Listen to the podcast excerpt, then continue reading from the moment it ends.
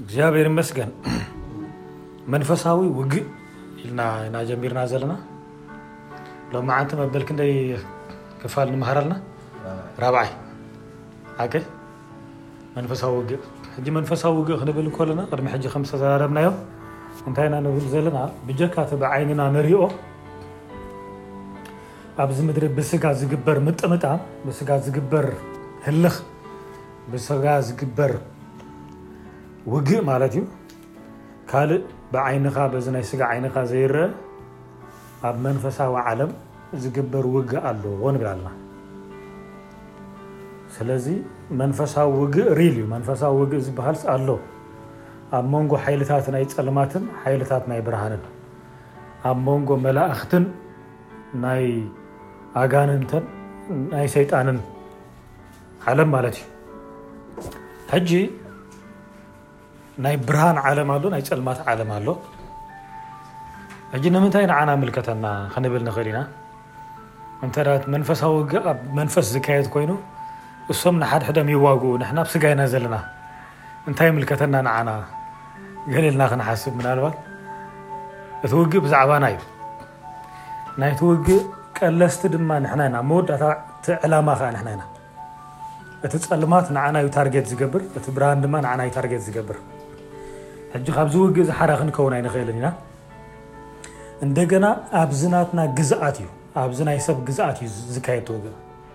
ካብዚ ናይ ሰብ ግዝኣት ወፃኢ ይኮነ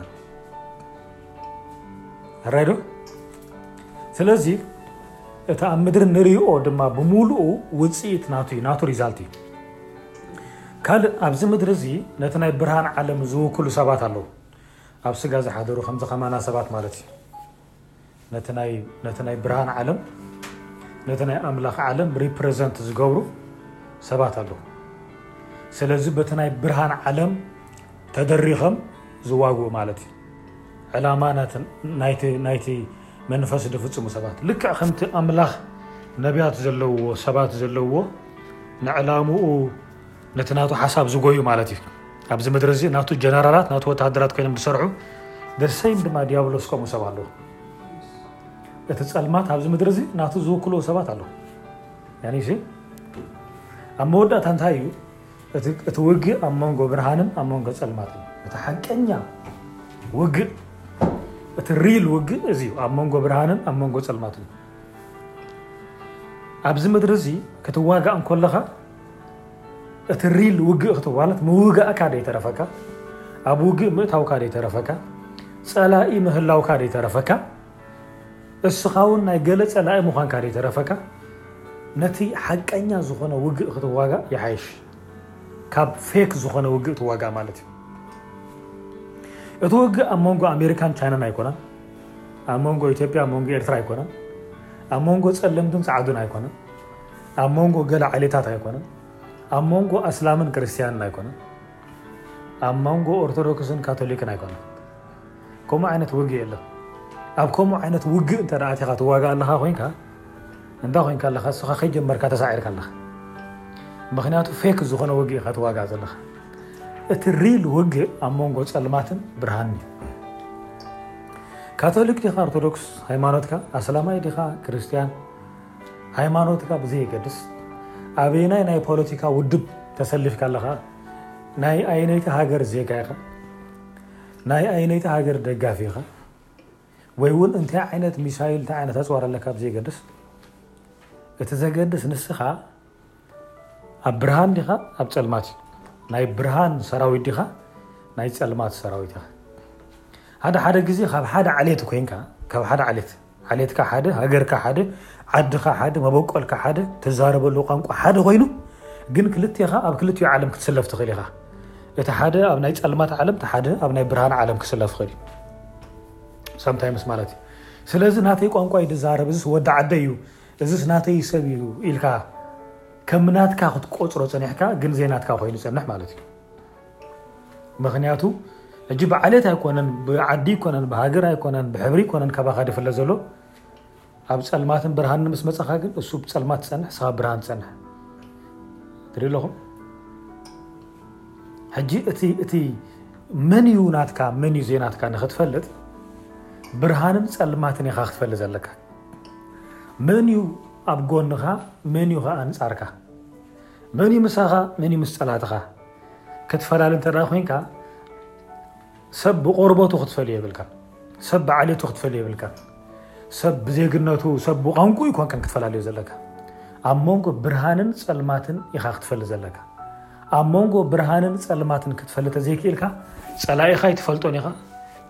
እቲ ፈታዊኻ እውን ኣይትፈልጦን እያ መን ምዃ- መን እዩ ምሳኻ እውን ኣይትፈለጥን ኢኻ ስለዚ ሓደ ሰብ ድማ ኣብ መንጎ ጸላዩን ኣብ መንጎ እቲ ናቱን እንተ ደኣ ክፈላሊ ዘይክኢሉ መን እዩ ጸላኢኻ መን እዩ ፈታዊኻ እንተ ደኣ ክትፈሊ ዘይክኢልካ መን እዩ ምሳኻ መን እዩ ኣንጻርካ ክትፈሊ ተዘይክኢልካ ከምኡ ኢልካ ናብ ውግእ እንተ ደኣ ኣቲኻ ከይኣተኻ ኮለኻ ተሳዒርካ ኣለኻ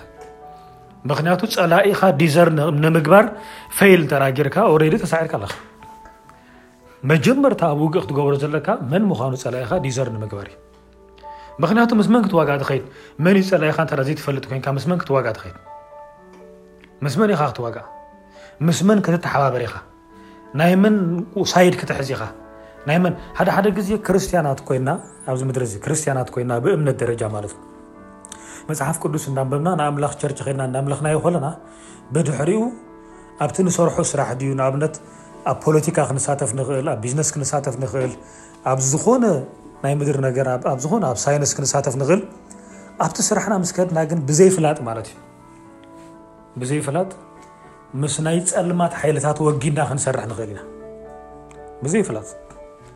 ቸርች ውዒልካ እንዳመጸኻ ንኣምላኽ ከተምልኽሲ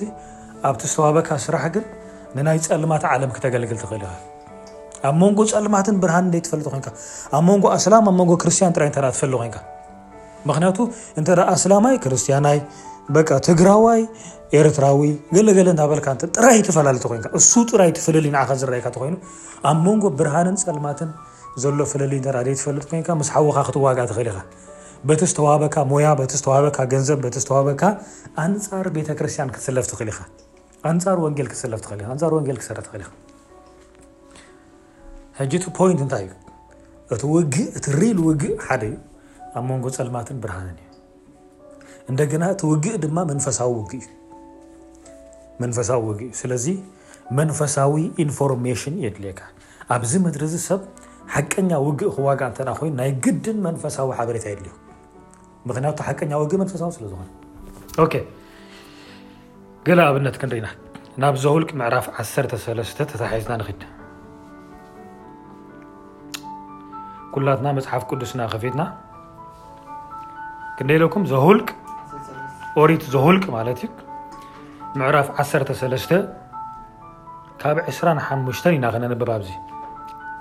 ኦሪት ዘሁልቅ ምዕራፍ ዓሰርተ ሰለስተ ካብ ቁፅሪ ዕስራን ሓሙሽተን ዘሎ ክነብቦ ኢና ናብ ካንኣን ቅድሚ ምእታዎም ሙሴ እንታይ እዩ ገይሩ ኣብዚ ቦታ እዚ ካብቲ ነገዳት ናይ እስራኤል ሰባት ኣዋፂኡ ወከልቲ ገይሩ ብድሕሪኡ ስለያ ገይሩ ናበይ ሰዲዶም ዓሰርተ ክልተ ሰባት ነታ ክወርስዋ ዝደልዩ ዘለዎ መሬት ከይድኩም ሰሊኹማ ምጹ ብዛዕባኣ ዘድሊ ሓበሬታታት ኣኪብኩም ምጹ ኢሎም ምኽንያቱ ናብ ውግእ ክኣትዉ ስለ ዝኾኑ ተዋጊኦም ነታ ምድሪ ክወርስዋ ስለ ዝኾኑ ስለዚ ካብ ካብ እስራኤል ካብቲ ህዝቢ ናይ እስራኤል ዝተዋጽኡ ዓሰርተ ክልተ ሰለይቲ ኮይኖም ተላኢኾም ከይዶም ነታ ምድሪ ሰልዮማ ብድሕሪት ሓበሬታ ሒዞም መጽዮም ማለት እዩ ኣብ መንጎ ኣቲና ክነንብቦ ስለ ዝኾና ነቲ ቅድሚኡ ዘሎ ሓሳባት ብሕጽር ኣቢለ ነጊረኩም ኣለኹ፣ ግን ካብ ሓደ ክነንብቦ ንኽእል ኢና፣ ምዕራፍ ዓሰርተ ሰለስተ ካብ ዕስራን ሓሙሽተን ኣብ መወዳእታ ኣርብዓ መዓልቲ ድማ ካብ ምስላይ እታ ምድሪ ተመልሱ ይብለና። እቶም ሰለይቲ እንታይ ትገይሮም ተመሊሶም? ፍቕዲ ዕስራን ሓሙሽተን ንቐጽል ሕጂ ከይዶም ከኣ ኣብ በረኻ ጳራን ኣብ ቃዴስ ናብ ሙሴን ናብ ኣሮንን ናብ ብዘሎ ኣኼባ ደቂ እስራኤልን መጹ ንኣታቶምን ንብዘሎ ኣኼባን እቲ ነገር ኣዛረብዎም ፍረ እታ ምድሪ እውን ኣርኣይዎም ምክንያቱ ክትምለሱ ከለኹም ካብቲ ፍረ ናይታ ምድሪ ሒዝኩም ምፅ ኢልዎም ነይሩ ፍረ ናይታ ምድሪ ኣርኣይዎም ዕስራን ሸውዓተን ከምዚ ኢሎም ድማ ኣዘንተውሉ ናብታ ዝሰደትካና ሃገር በፃሕና ብሓቂ ከዓ ንሳ ፀባን መዓርን እተውሕዝ ፍሪኣ ከዓ እዚ እዩ ኣብታ ሃገር ዝነብር ህዝቢ ግና ሓያል እዩ እተን ከተማታት ከኣ እታ ዓርዳን ኣዝየን ዓበይትን እየን። ኣብኡ ድማ ደቂ ዓናቕ ርኤና። ኣብ ሃገር ደቡብ ኣማሌቕ ይነብር ኣሎ። ኣብ ኣኽራን ከኣ ሔታውያን፣ ሔታውያንን የቡሳውያንን ኣሞራውያንን ይነብሩ ኣለዉ። ኣብ ጥቓ ባሕርን ብሸነኽ ዮርዳኖስን ድማ ከነኣናውያን ይነብሩ ኣለዉ። ካሌብ ከኣ ነቲ ህዝቢ ኣብ ቅድሚ ሙሴ ኣህደኦ፣ ኣጸቢቕና ንኽእላ ኢና እሞ፣ ንደይብ ደኣ ነታ ምድሪ፣ ንውረሳ ድማ በለ። ሓደ ካብቶም ክስልዩ ዝኸዱ ካሌብ ማለት እዩ። ካሌብ ከምዚ ኢሉ ነቲ ህዝቢ ኣህዲእዎ። ስለዚ ካሌብ እንታይ እዩ ዝብል ዘሎ? ንኽእላ ኢና። ኣከይ ካሌብ ነቲ ህዝቢ እንታይ ኢልዎ? ኣብ ቅድሚ ሙሴ ምስ ኣህድኦም ኣጸቢቕና እንታይ ንገብራ? ንኽእላ ኢና እሞ፣ ንደይብ ደኣ ነታ ምድሪ፣ ንውረሳ ድማ በለ። እቶም ምስኡ ደይቦም ዝነበሩ ሰባት ግና ኢሉ ብሓንሳብ እዮም ከይዶም ሓደ ዓይነት ነገር ሪኦም ሓደ ዓይነት ነገር ሰልዮም ዝመፁ እዮም ኦኬ እዚኦም ግን ዲፈረንት ዝኾነ ሪፖርት ኣለዎም ስለዚ እቶም ምስኡ ደሂቦም ዝነበሩ ሰባት ግና ንሱ ካባና ዝሕይል እዩ እሞ ናብቲ ህዝቢ እቲ ክንድይብ ኣይንኽእልን ኢና ኢሎም ካሌብ እንታይ ንገብር ኢና ኣፀቢቕና ንኽእላ ኢና ኢሎም እዚኦም ግን ኣይንኽእልን ኢና እቲ ህዝቢ እንታዩ ሓያል ይብሉ ብዛዕባ እታ ዝሰለይዋ ምድሪ ኸኣ ንደቂ እስራኤል ከምዚ ኢሎም ክፉእ ነገር ኣውረዩሎም እታ ክንስልያ ዝሓለፍናያ ምድሪ ንሳ ነቶም ዝነብርዋ እትውሕጥ ምድሪ እያ እቶም ኣብኣ ዝረኤናዮም ኩሎም ህዝቢ ኸኣ ነዋሕቲ ሰባት እዮም ኣብኣ ድማ ካብ ንጉዓት ዓሌት ንጉዓት ደቂ ዓናቕ ርኤና ንሕና ኣብ ዓይንና ከም ኣንበጣ ኾና ኣብ ኣዒንቶም ከዓ ከምኡ ነበርና ኢሎም ሕጂ እዞም ሰባት እዚኦም ብዛዕባ እቲ ዝረኣይዎ ክዛረቡ ከለዉ ቁመት ናይቶም ሰባት ተራእይዎም እንደገና ዓሌት ናይቶም ሰባት ከዓ ሪኦሞ እንታይ ኢና ንምልከት ኣብዚ ኩሉ እቲ ዝረኣይዎ ነገር ብስጋ ዝረአ ነገር እዩ ብዓይንኻ ትሪኦ ነገር እዩ ብስጋ ጥራይ እዮም ተመልኪቶም ኩሉ ብስጋ ተዓዚቦም እዮም መፅኦም ክንዮት ብስጋ ትሪኦ ነገር ዝረኣይዎ ነገር ከምዘይብሎም እዮም ኣብቲ ናቶም ሪፖርት ዝነግሩና ዘለዉ ስለዚ ሓሶት ኣይኮኑን ዝዛረቡ ዘለዉ ካብቲ ናቶም ቦታ ኮይንካ ክትሪኦ ከለካ ነዋሕቲ እዮም ከምቲ ዝበልዎ ዓሌት ናይቶም ሰባት እታ ምድሪ ኩሉ እቲ ዝህብዎ ዘለዉ ሪፖርት ሓሶት ኣይኮነን ብዓይንኻ እንተ ርኢኻ ኣብኡ ከይድካ ብስጋ እንተሪኢኻ እቲ ሰም ዝረኣይዎ ርኢኻ ክትመፅ ትኽእል ኢኻ ደሰይም ካሌብ ድማ ምስኦም ከይዱ ካሌብ ከኣ ብስጋ ዕዉር ኣይኮነን እቲ ሶም ዝረኣይዎ ሪእዎ እዩ ግን ስለምንታይ እዩ ካሌብ ፍልይ ዝበለ ሪፖርት ሒዙ መጺኡ ስለምንታይ እዩ ብዛዕባ እቶም ሰባት ነዋሕቲ ምዃኖም ይርዮም ኣሎ ድዩ ብዛዕባ እታ ሰለይዋ ምድሪሲ ስለምንታይ እዩ ከምቲ ናቶም ክፉእ ዘየውረየ መጽሓፍ ቅዱስ ክፉእ ነገር ኣውረዩ ይብለና ስለዚ ነቶም ዝነብርዋ እቲ ውሕጥ ምድሪ እያ ክብሉ ከለዉ እዚ ኣይረኣዮን ድዩ? እቶም ኣብኡ ዝረኤናዮም ኩሎም ህዝቢ ከኣ ነዋሕቲ እዮም፣ ንጉዓት ዓሌት እዮም፣ ደቂ ዓና ቀለውቲ ዓዲ ገለ ክበሃል እዚ ኩሉስ ካሌብ ርእይዎ እንድዩ መጺኡ እንታይ ኮይኑ ሪፖርት ዘይገበረ ከምቲ ናቱ። ኦኬ ምዕራፍ ዓሰርተ ኣርባዕተ ሰጊርና ካብ ቁጽሪ ሓደ ክነንብብ ኢና። ንቐጽል ሕጂ ናይዞም ክልተ ሰባት ሪፖርት ነንበይኑ እዩ። ኦኬ ሓደ ዓይነት ነገር ርእዮም መጺኦም ክልተ ዓይነት ሪፖርት ሒዞም ቁጽሪ ሓደ ምዕራፍ ዓሰርተ ኣርባዕተ ብዘለዉ እቶም ኣኼባ ድማ ቃሎም ዓው ኣቢሎም ጨርሑ፣ እቲ ህዝቢ ከኣ በታ ለይቲ እቲኣ ክበኪ ሓደረ ይብለና። ሕጂ ርኣዩ፣ ኦኬ፣ ካብዚ ገለ ነገር ክንምሃር ደልየ ኣለኹ። እቲ ህዝቢ እቲ ህዝቢ ከይዱ እኮ ምስቶም ዝስልዩ ዝረኣዮ ነገር የብሉን። ኩል ወላ ሓንቲ ብዓይኑ ዝረኣዮ ነገር የብሉን። ኣብ ገዝኡ ኮፍ ኢሉ ከሎ ኣብ ገዝኡ ኮፍ ኢሉ ከሎ ገለ ሰባት ከይዶም ግን እዝን እዝን ርኢና ኢሎም እቶም ሰባት ዜና እዮም ሒዞምሉ መፅኡ ነቲ ህዝቢ ሕጂ እዚ ዝበኪ ዘሎ ህዝቢ ብዝረኣዮ ነገር የብሉን እንታይ ኮይኑ እዩ ዝበኪ ዘሎ እንተኢልና ዜና ሰሚዑ እዩ ዝበኪ ዘሎ ዝኾኑ ሰባት ዜና ሂቦሞ ኤንዘን ነቲ ዜና ኣሚንዎ ኣብ ገዝኡ ኮይኑ እንታይ ይገብር ኣሎ ይበኪ ኣሎ ጀስት በቲ ዝሰምዕዎ ማለት እዩ ካልእ ዜና ድማ ኣሎ ብውሕዳት ሰባት ዝወሃብ ብብዙሓት ኣይኮነን ካልእ ዜና ኣሎ እቲ ህዝቢ ነቲ ዜና ግን ኣይቕለበሉን ኣይሰምዖን ምክንያቱ መብዛሕትኡ ግዜ ሰብ ብልምዲ በቃ ናይ ብዙሕ ሰብ ድምፂ ሓቂ ኮይኑ እዩ ዝስምዖ ብዙሓት እንተ ከምዚ ኢሎም እሱ ሓቂ ኢሉ እዩ ድሓስብ ሰብ ሃካይ ተኮይኑ ደይ ምርምር ተኮይኑ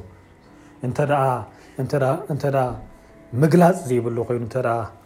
ብርሃን ዘይብሉ ኮይኑ ናይ ብዙሓት ድምፂ ሓቂ ኢሉ ዝድምድሞ ኩሉ ግዜ ግን ናይ ብዙሕ ሰብ ድምፂ ሓቂ ማለት ኣይኮነን ሓደ ሓደ ግዜ ናይቶም ውሕዳት ከዓ ሓቂ ኮይኑ ይፀንሕ ኦኬ ስለዚ ምሉእ እቲ ክበክ ሓዲሩ ህዝቢ ኩሎም ደቂ እስራኤል ድማ ኣብ ሙሴን ኣብ ኣሮንን ኣጉረምረሙ ብዘሎ እቲ ኣኼባ ከዓ በሎም ኣብ ምድሪ ግብጺ ከም ሞትና ወይ ኣብዚ በረኻ እዚ ከም ሞትና ምን መሃበና ኣብ ግብጺ ተንመውት ኣብዚ በረኻ ተንመውት ስምን ሞት ክምነ ጀሚሩ ተህዝቢ እንደገና ኣብ ሙሴን ኣሮንን ድማ ተላዒሉ ተህዝቢ ሕጂ እዞም ሰባት እዚኦም መጽኦም ሪፖርት ሂቦሞም ከምዝን ከምዝን እዩ ዘሎ እዝን እዝን እዩ ዘሎ ኢሎም ዝኾነ ክፉእ ዝኾነ ዜና ሂቦሞ ነቲ ህዝቢ ካብዚ ዝሰምዕዎ ዜና ዝተላዕለቶም ህዝቢ መጀመርታ ክበኽዩ ሓዲሮም ሙሉእ ለይቲ ብድሕሪኡ ኣብ ልዕሊ መራሕቶም ድማ ተሲኦም እንታይ እዮም ገይሮሞም ዘመ ሰባት እዚኦም ዝኾነ ነገር ሂቦም ዝኾነ ድስማዕ ዝኾነ ኢንፎርሜሽን ሂቦም ከም ዝበኽዩ ገይሮሞም እንደገና ኣብ ልዕሊ እቶም ካብ ግብፂ ዘውፅዎም መራሕቶም ከም ዝለዓሉ ገይሮም ኣንፃር መራሕቶም እንታይ ገይሮሞም ኣለዓዒሎሞም ኣብ ሙሴን ኣብ ኣሮንን ኣብቶም እግዚኣብሄር ድሸመሎም ለይቲ ምስ መዓልቲ ንድሕነቶም ዝነቑሑ ሰባት ማለት እዩ ሙሴ ማለት እኮ ካብ ባርነት ካብ ናይ ኣርባዕተ ቤትን ሰላሳን ዓመት ማእሰርቲ ፈቲሑ ዘውፅኦም ናይ ኣምላኽ ሰብ ኣምላኽ ዳሃቦም ሰብ እዩ ግን እዞም ሰባት እዚኦም ከይዶም በቲ ናቶም ዜና በቲ ናቶም ሪፖርት በቃ እዝን እዝን መፅናዕቲ ጌርና እዝን እዝን ተመራሚርና ረኺብና ልክዕ ከምዚ ሕጂ ሎሚ ዘለናዮ ማለት እዩ ኢሎም እቲ ናቶም ሓሳብ ሒዞም ምስ መፁ ኣብ ልዕሊ እቶም ንድሕነቶም ዝተዋህቦም መራሕቲ ኣላዓዒሎሞም ምሉእ ለይቲ ከዓ ክበኪ ከም ዝሓድሩ ገይሮሞም ኦኬ ንሓድሕዶም ከኣ ሓለቓ ግዳ ንሽም እሞ ናብ ግብፂ ንመለስ ተባሃሉ ሕጂ እንታይ እዮም ዝገብሩ ዘሎ መራሕቲ ንቀይር በቃ ዕልዋ እዮም ክገብሩ ደልዮም ኣብ ሙሴ ንሙሴ ዓሊና ካልእ ንዓና ዝኸውን መንግስቲ ካልእ ንዓና ዝኸውን መራሒ ንግበር ብድሕሪኡ ድማ ናብቲ ናብ ካናን ደይኮነ ናበይ ናብ ግብፂ ወይ ድማ ናብቲ ዝነበርናዮ ናብቲ ባርነት ንመለስ ኢሎም እዚ ኩሉ ዝብገስ ዘሎ ካብቶም ዓሰርተ ዝሃባት ዓሰርተ ሰባት ዝሃብዎ እንታይ ዜና ዝተላዕለ እዩ ካብቲ ሪፖርት እዩ ኦኬ ሽዑ እንታይ ኢሎም ሽዑ ሙሴን ኣሮንን ኣብ ቅድሚ ብዘላ እታ ማሕበር ኣኼባ ደቂ እስራኤል ብገጾም ተደፍኡ እያሱ ወዲ ነዌን ካሌብ ወዲ የፋነን ካብቶም ሰለይቲ እታ ሃገር ዝነበሩ ክዳውንቶም ቀደዱ ንብዘሎ ኣኼባ ደቂ እስራኤል ከዓ ከምዚ ኢሎም ተዛረቡ እዞም ክልተ ሰባት ሕጂ ራይዎ ፍልይ ዝበለ ሪፖርት እዩ ዘለዎም ከምዚ ኢሎም እንታይ ገበሩ ተዛረቡ ሓቂ ክዳውንቶም ቀደዱ ንብዘሎ ኣኼባ ደቂ እስራኤል ከዓ ከምዚ ኢሎም ተዛረቡ እታ ክንስልያ ዝሓለፍናያ ምድሪ ኣዝያ ኣዝያ ጽብቕቲ ምድሪ እያ እግዚኣብሔር እንተፈትዩናስ ቁፅሪ ሸሞንተ ራይዋ እግዚኣብሔር እንታይ ተገይርና እንተፈትዩና እዞም ሰባት እዚኦም ሕጂ ትሪእዎ ኣለኹም መንፈሳዊ ዓለም ኣብ ግምት ዘእተዉ ሰባት እዩ እግዚኣብሔር ማለት መንፈሳዊ ዓለም ማለት እዩ ብርሃን ማለት እዩ ናይ ብርሃን ዓለም ሕጂ እዚኦም ብስጋ ጥራይ ዝሓስቡ ብእምሮ ጥራይ ዝሓስቡ ሰባት ኣይኮኑን ብመንፈስ ድማ እንታይ ዝገብሩ ነቲ መንፈሳዊ ዓለም ዝማ ዝከታተሉ ሰባት እዮም ስለዚ ቁጥር ሸሞንተ እንታይ ይብለና እግዚኣብሔር እንተፈትዩናስ እዚኦም እያሱን ካሌብን እዮም ካብቶም ዓሰርተ ክልተ ሰለይቲ እቶም ክልተ ማለት እዩ እግዚኣብሔር እንተፈትዩናስ ናብታ ፀባን መዓርን እተውሕዝ ምድሪ ናብታ ምድሪ እቲኣ ክእትወና ንሱ እውን ክህበና እዩ ሓቀይ ክህበና እዩ ሓቀይ ንሳ ውን ክህበና እዩ ያ ናብታ ምድሪ እቲኣ ከእትወና ንሳ ውን ክህበና እዩ ቁፅሪ ትሽዓተ ኣብ እግዚኣብሔር ግዳ እንታይ ኣይትግበሩ ኣይተዓምፁ ኢሎሞ ንሳቶም እንጌረና እዮም ንሕና እንጌራኦም ዘይኮናሲ ንሳቶም እንታይ እዮም እንጌረና እዮም እሞ ንስኻትኩም ንህዝቢ እታ ምድሪ ኣይትፍርህዎም ኣብዚኣ ዘላ ሓሳብ ሕጂ ዝተውዕሉላ ኦኬ ኣይትፍርዎም እንታይ ኢና ክንርኢ ደልየ ካሌብን እያሱን ብኸመይ እዩ እቲ ናቶም ሪፖርት ፍልይ ክብል ክኢሉ እዚ ትብዓት እዚ ካበይ ኣምፅኦሞ ከመይ ገይሮም እዮም ቁመቶም እንዳረኣዩ ዓሌቶም እንዳረኣዩ ንጉዓት ምዃኖም እንዳረኣዩ ኣፀቢቕና ንኽእላ ኢና ዝብሉ ዘለዉ እንታይ ከኮይኖም እቶም ካልኦት ሰባት ከምኡ ክብሉ ዘይከኣሉ እንታይ እዩ ትፍልልይ ኢና ክንርኢ ዘለና እንታይ እዩ ትፍልልይ መሲልኩም እዞም ሰባት እዚኦም እቲኦም ዘይረኣይዎ ሪኦም ኣለኹ ካሌብን እያሱን መንፈሳዊ ኢንፎርሜሽን ኣለዎም እቶም ካልኦት ዓሰርተ ሰባት ግን ወላ ሓንቲ መንፈሳዊ ኢንፎርሜሽን የብሎምን ኣብቲ መንፈሳዊ ዓለም እንታይ ተኻይዱ እንታይ ይግበር ኣሎ እንታይ ኮይኑ ወላ ሓንቲ ዜና የብሎምን ወላ ሓንቲ የብሎምን ካሌብን እያሱን ግን ካሌብን እያሱን ካብ ቁመት ናይ ፀላእቶም ካብ ዓሌቶም ካብቲ ኣብ ምድሪ ዘሎ ነገር ኣብ ሰማይ ዝኸውን ዘሎ ወይ ድማ ኣብ መንፈስ ዝኸውን ዘሎ ነገር ርኦም እዮም መፅኦም ክብሪ ንኣምላኽ ይኹን ምክንያቱ እቲ ውግእ መንፈሳዊ ምዃኑ ይፈልጡ እዮም ኣብ ጎኖም ኣምላኽ ከም ዘሎ ናይ ኣምላኽ ሰራዊት ከም ዘለዉ ኣብ ምስ ፀላእቶም ድማ ካልእ ናይ መንፈስ ሰራዊት ከም ዘሎ ይፈልጡ እዮም ስለዚ እዚ ቦታ እዚ እንታይ ይብለና ኦኬ ንህዝቢ እታ ምድሪ ኣይትፍርህዎ ኢሉ ፍቕሪ ትሽዓተ እቲ ዘፅልለሎም ካባታቶም ኣግሊሱ እግዚኣብሄር ከዓ ምሳና እዩ ኣይትፍርህዎ እንታይ ኢሎሞ እቲ ዘፅልለሎም ካባታቶም እንታይ ገይሩ ኣግሊሱ እግዚኣብሄር ከዓ ምሳና እዩ ስለዚ እንታይ ኣይትግበርዎ ኣይትፍርህዎ እዚኣ እያ ኣብቲኦም ዘይነበረት ስለዚ ካሌብን እያሱን እቲ ምስኦም ዝነበረ መንፈስ ከም ዝተወቕዐ ሪኦሞ ስለዚ ብመንፈስ ኦሬዲ እቲ ውግእ ተኻይዱስ ዓወት ናትና ኮይኑ እዚ እዮም ሪኦም ምክንያቱ እቲ ምስኦም ዝነበረ እቲ ንዓኣቶም ዘፅልልሎም እንታይ ገይሩ ኦሬዲ ሃዲሙ እዩ ኣግሊሱ እዩ ተወቂዑ እዩ እቲ ምሳና ዘሎ እግዚኣብሔር ድማ ምሳና እዩ ዘሎ ስለዚ ድሮ እንታይ ተገይሮም እዮም ተሳዒሮም እዮም ንሳቶም ከየትካሲ ኣብ ቅድሜና ዓወት እዩ ዘሎ እግዚኣብሔር ይመስገን ግን እዚ ዓይነት ኢንፎርሜሽን ዘይብሎም ሰባት ትሪኢለኹም እዚ ዓይነት ኢንፎርሜሽን ዘይብሎም ሰባት ሒዞምልካ ዝመፁ ወረ ሒዞምልካ ዝመፁ ዜና ብእሱ እሱ ሽግር ከምፀልካ ክእል እዩ እሱ ከሕምመካ ክእል እዩ እዞም ሰባት እዚኦም እኮ በቲ ዝሰምዕዎ ዜና ብኡ እንተ ከይዶም በቲ ናይቶም ዓሰርተ ሰባት ዜና እንተ ተመሪሖም ከይዶም ክሰዓሩ ክእሉ እዮም ኣብቲ መንፈስ ስዒሮም እንከለዉ ዜና ስለ ዘይብሎም ናይቲ መንፈስ ግን ኣብዚ ምድሪ እዚ ክሰዓሩ ክእሉ እዮም ገርመኩ ባሮት ኮይኖም ክነብሩ ክእሉ እዮም ሕጂ ሰብ ክሪኦ ከሎ ነቲ ኩነታት ሽዑ ካልእ ትርጉም ክህቦ ክእል ትርኢ ኣለኹም ሕጂ ሓደ ሓደ ግዜ ሰብ ከም ዝሰዓር ዝገብሮ እቲ ፀላኢኡ ጥራይ ኣይኮነን ሓደ ሓደ ግዜ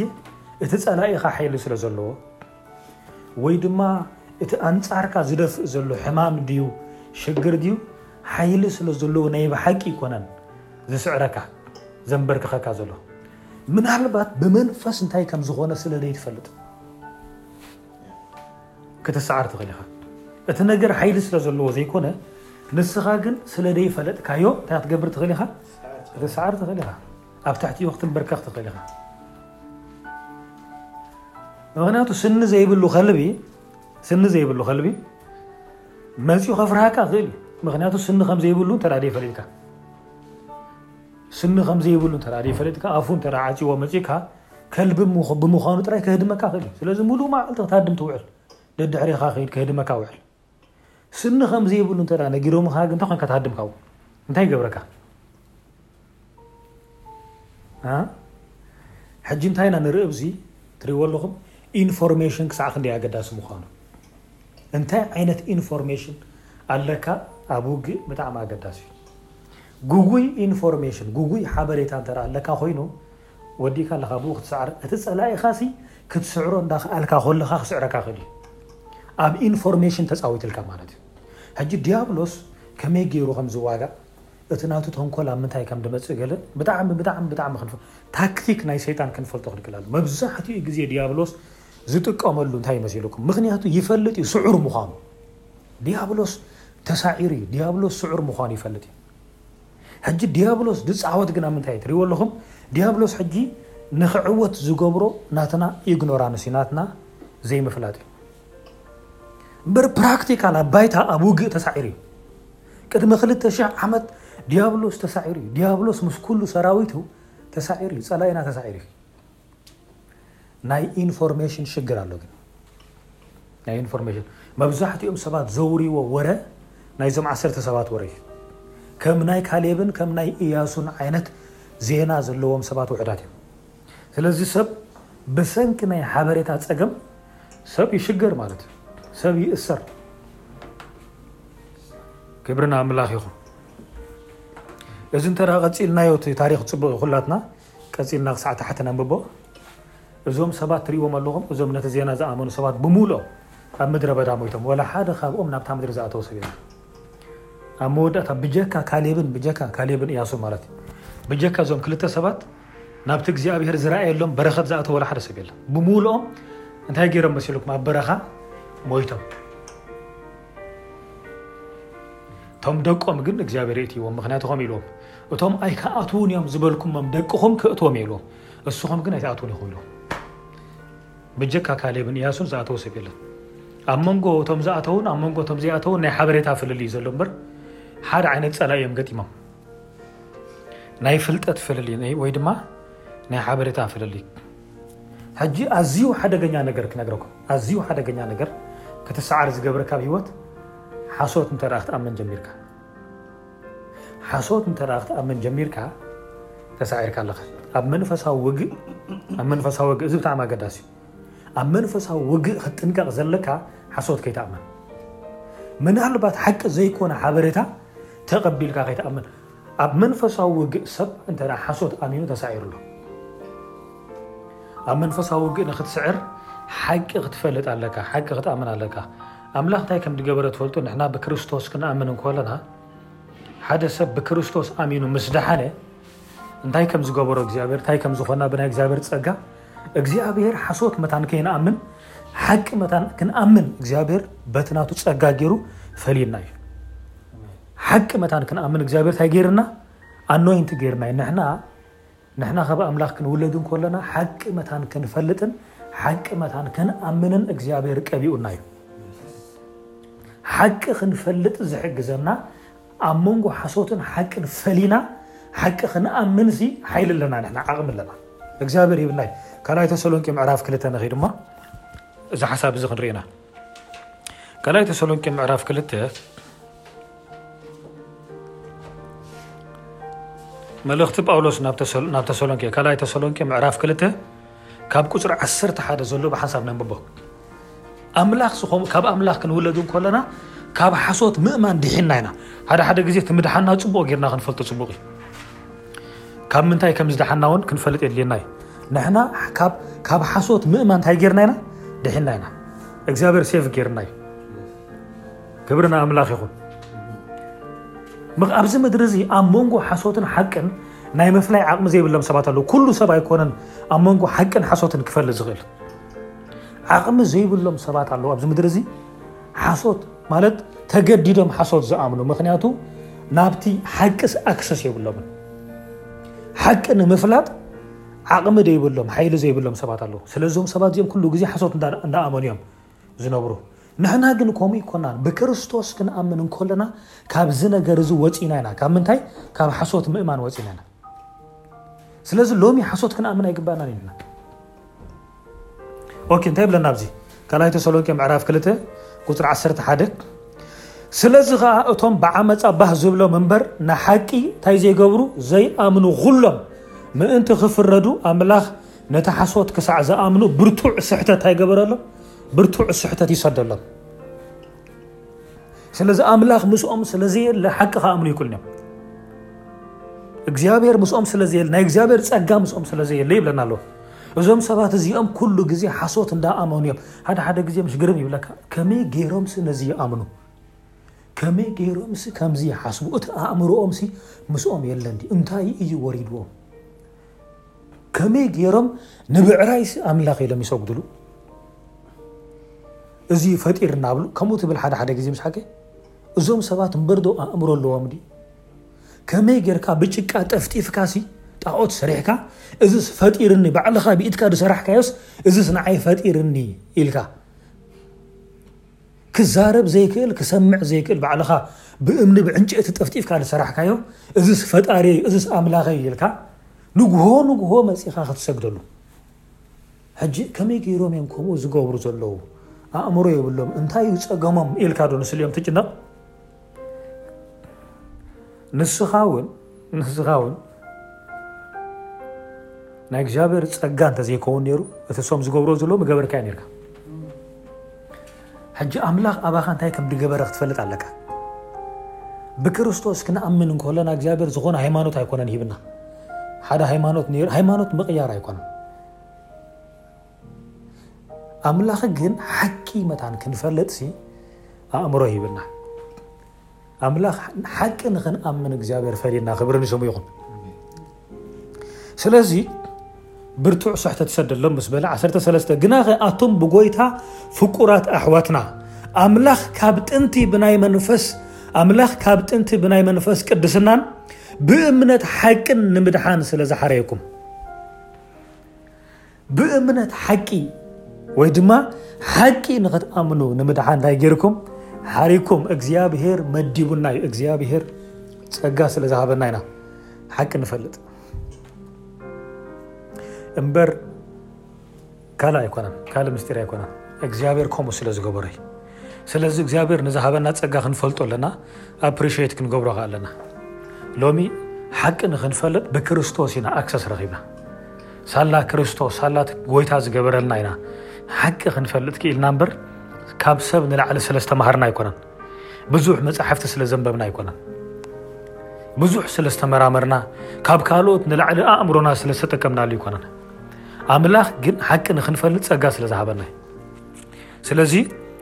ብናይ ብናይ መንፈስ ቅድስናን ብእምነት ሓቅን ንምድሓን ስለ ዝሓረይኩም ንሕና ብዛዕባኻትኩም ንኣምላኽ ኩሉ ሳዕ ከነመስግኖ ግቡእና እዩ ነቲ ክብሪ ጎይታ ነቲ ክብሪ ጎይታና የሱስ ክርስቶስ ምእንቲ ክትረኽብዎ እዩ ንሱ ብወንጌል ገይሩ ዝጸዋዓኩም ደጊም ኣቱም ኣሕዋትና ጸኒዕኩም ቁሙ እሞ ነቲ ብቓልና ወይስ ብደብዳቤታትና ተማሃርኩምዎ ትምህርታት ሓዝዎ ግናኸ ጎይታና የሱስ ክርስቶስ ባዕሉን እቲ ዘፍቀረናን ብጸጋ ናይ ዘለኣለም ምጽንናዕን ጽቡቕ ተስፋን ዝሃበና እግዚኣብሔር ኣቦናን ብናይ ግብርን ቃልን ዘበለ ልብኹም የጸናንዕን የበርትዕን ኢልዎም ክብሪ ንኣምላኽ ይኹን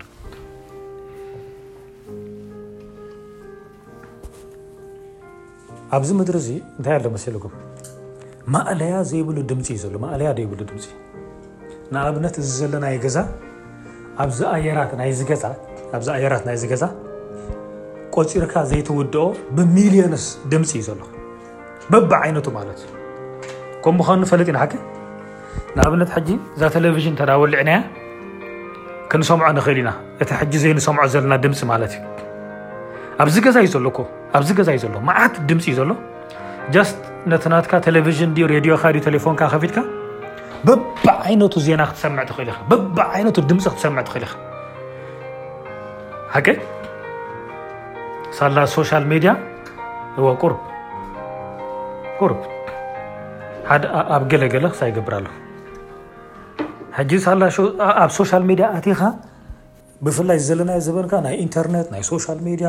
ናይ ኢንፎርሜሽን ግዜ ስለ ዝኾነ በቃ ዝኾነ ሰብ ኣብ ገዝኡ ኮፍ ኢሉ ንኩሉ እቲ ድምፂ ኣክሰስ ኣለዎ ኢንተርነት ከፊቱ ኩሉ በቃ ሕጂ እዚ መዓት ድምፂ ክዘውር ዝውዕል መዓት ድምፂ መዓት ድምጺ በብመንገዱ ማለት እዩ ኮለል ክብል ዝውዕል፣ ኣብ መንጎ እዚ ብዙሕ ድምጺ ናይ እግዚኣብሔር ድምጺ ኣሎ። ኣብ መንጎ እዚ ብሚልዮናት ዝቑጸር ድምጺ ሓደ ድምጺ ኣሎ፣ ናይ እግዚኣብሔር ድምጺ ማለት እዩ። ዝተውዕሉ ሕጂ እዚ ድምጺ እዚ ናይ እምነት ድምጺ እዩ፣ ናይ ተስፋ ድምጺ እዩ፣ ናይ ፍቕሪ ድምጺ እዩ ድማ ናይ እግዚኣብሔር ድምጺ እዩ። ሕጂ ካብዚ ኩሉ ድምጺ ፈሊኻ ነዚ ድምጺ እዚ ነዚ ናይ ኣምላኽ ድምጺ እንተ ደኣ ዲዘርኒ ክትገብሮ ደይክኢልካ ካብቲ መዓት ተሓዋዊሱ ድመጽእ ድምጺ ፈሊኻ ነዚ ናይ እምነት ድምጺ ነዚ ናይ ተስፋ ድምጺ ፈሊኻ እንተ ደኣ ክተውጽኦ ደይክኢልካ ኮንፊዥን ኣብዚ ድመጽእ ሓሶት ክትኣምን ተጀምር ካብ ብዙሕ ሓሶት ንሓቂ እንተ ፈሊኻ ክተውፅኣ ደይክኢልካ ኩዒትካ እንተ ክተውፅኣ ደይክኢልካ እዚ ክትገብር እንተ ደይክ እዚ ንምግባር ፈይል ተጌርካ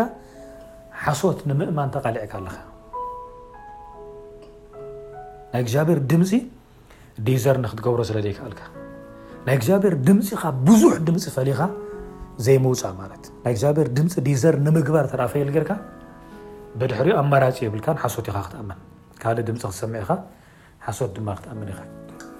ስለዚ እቲ ትሰምዖ ሓሶት ድማ በብዓይነት እዩ መዓት እዩ መወዳእታ የብሉን ካብዚ እንታይ ይመፅእ ሕጂ ኮንፊዥን ዝበሃል ነገር ይመፅእ ኮንፊዥን ኮንፊዥን ማለት ብሕፅር ዝበለ ቃለቱ ድንግርግር ኮንፊዥን ማለት ናይ ኣእምሮ ፀገም እዩ ኦኬ መንፈሳዊ ፀገም እዩ እንደገና ናይ ሓበሬታ ናይ ኢንፎርሜሽን ሽግር እዩ ሰብ ኮንፊዝድ ኮይኑ ማለት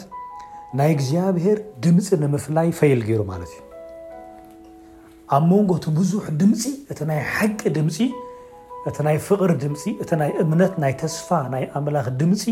ዲዘርን ንምግባር ፈይል ገይሩ ክረኽቦ ይከኣለን ክፈልጡ ይከኣለን እዚ ሰብ እዚ ኮንፊዝድ ኮይኑ ማለት እዩ ኮንፊዥን ፀልማት እዩ ኣብ ኮንፊዥን ምምልላስ ኣብ ፀልማት ምምልላስ ማለት እዩ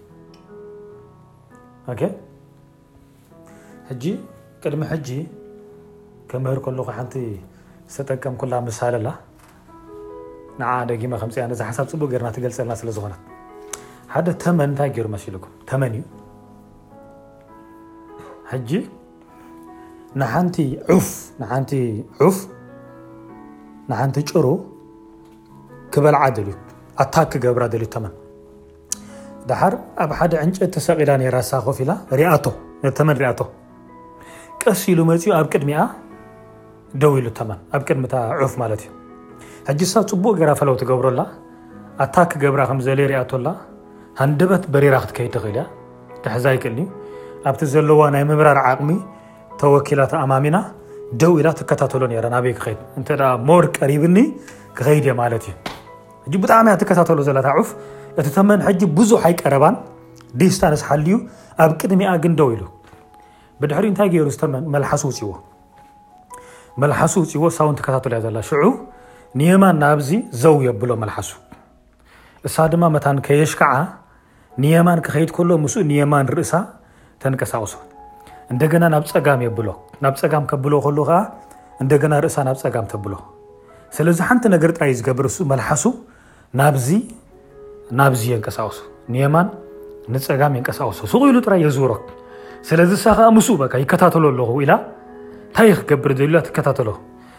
ሕጂ እዚ ተመን ብጣዕሚ ጎራሕ እዩ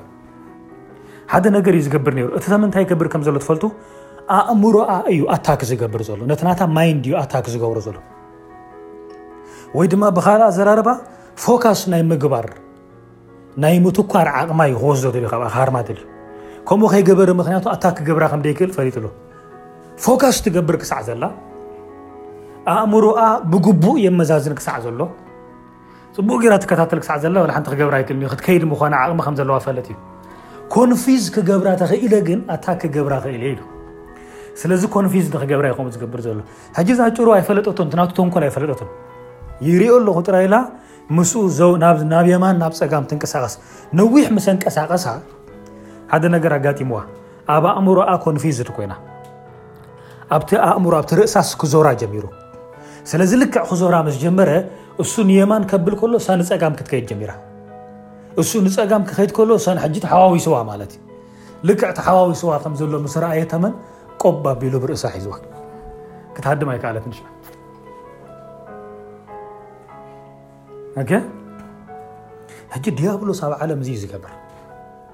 ዲያብሎስ እዩ ዝገብር ማእለያ ደይብሉ ሓበሬታ እዩ ዝድርብየልካ በብዓይነቱ ኣብ ፌስቡክ ክትኣቱ ከለካ ኣብኡ ደይትረኽቦ ነገር የለን ኣብኡ ኣብ ዩቲብ ኣቲኻ ደይትረኽቦ ክትርኢ ሕጂ ገለገለ ሰብ ኣእምርኡ ጋርድ ደይገብር ኣእምርኡ ዘይሕሉ ሰብ ኣሎ ስለዚ እቲ ኣእምርኡ ከፊትዎ ኩሉ ደዲ መፀ ይርኢ ደዲ መፀ ይሰምዕ ዘይከፍቶ ቻነል የብሉን ደይሰምዖ ዜና የብሉን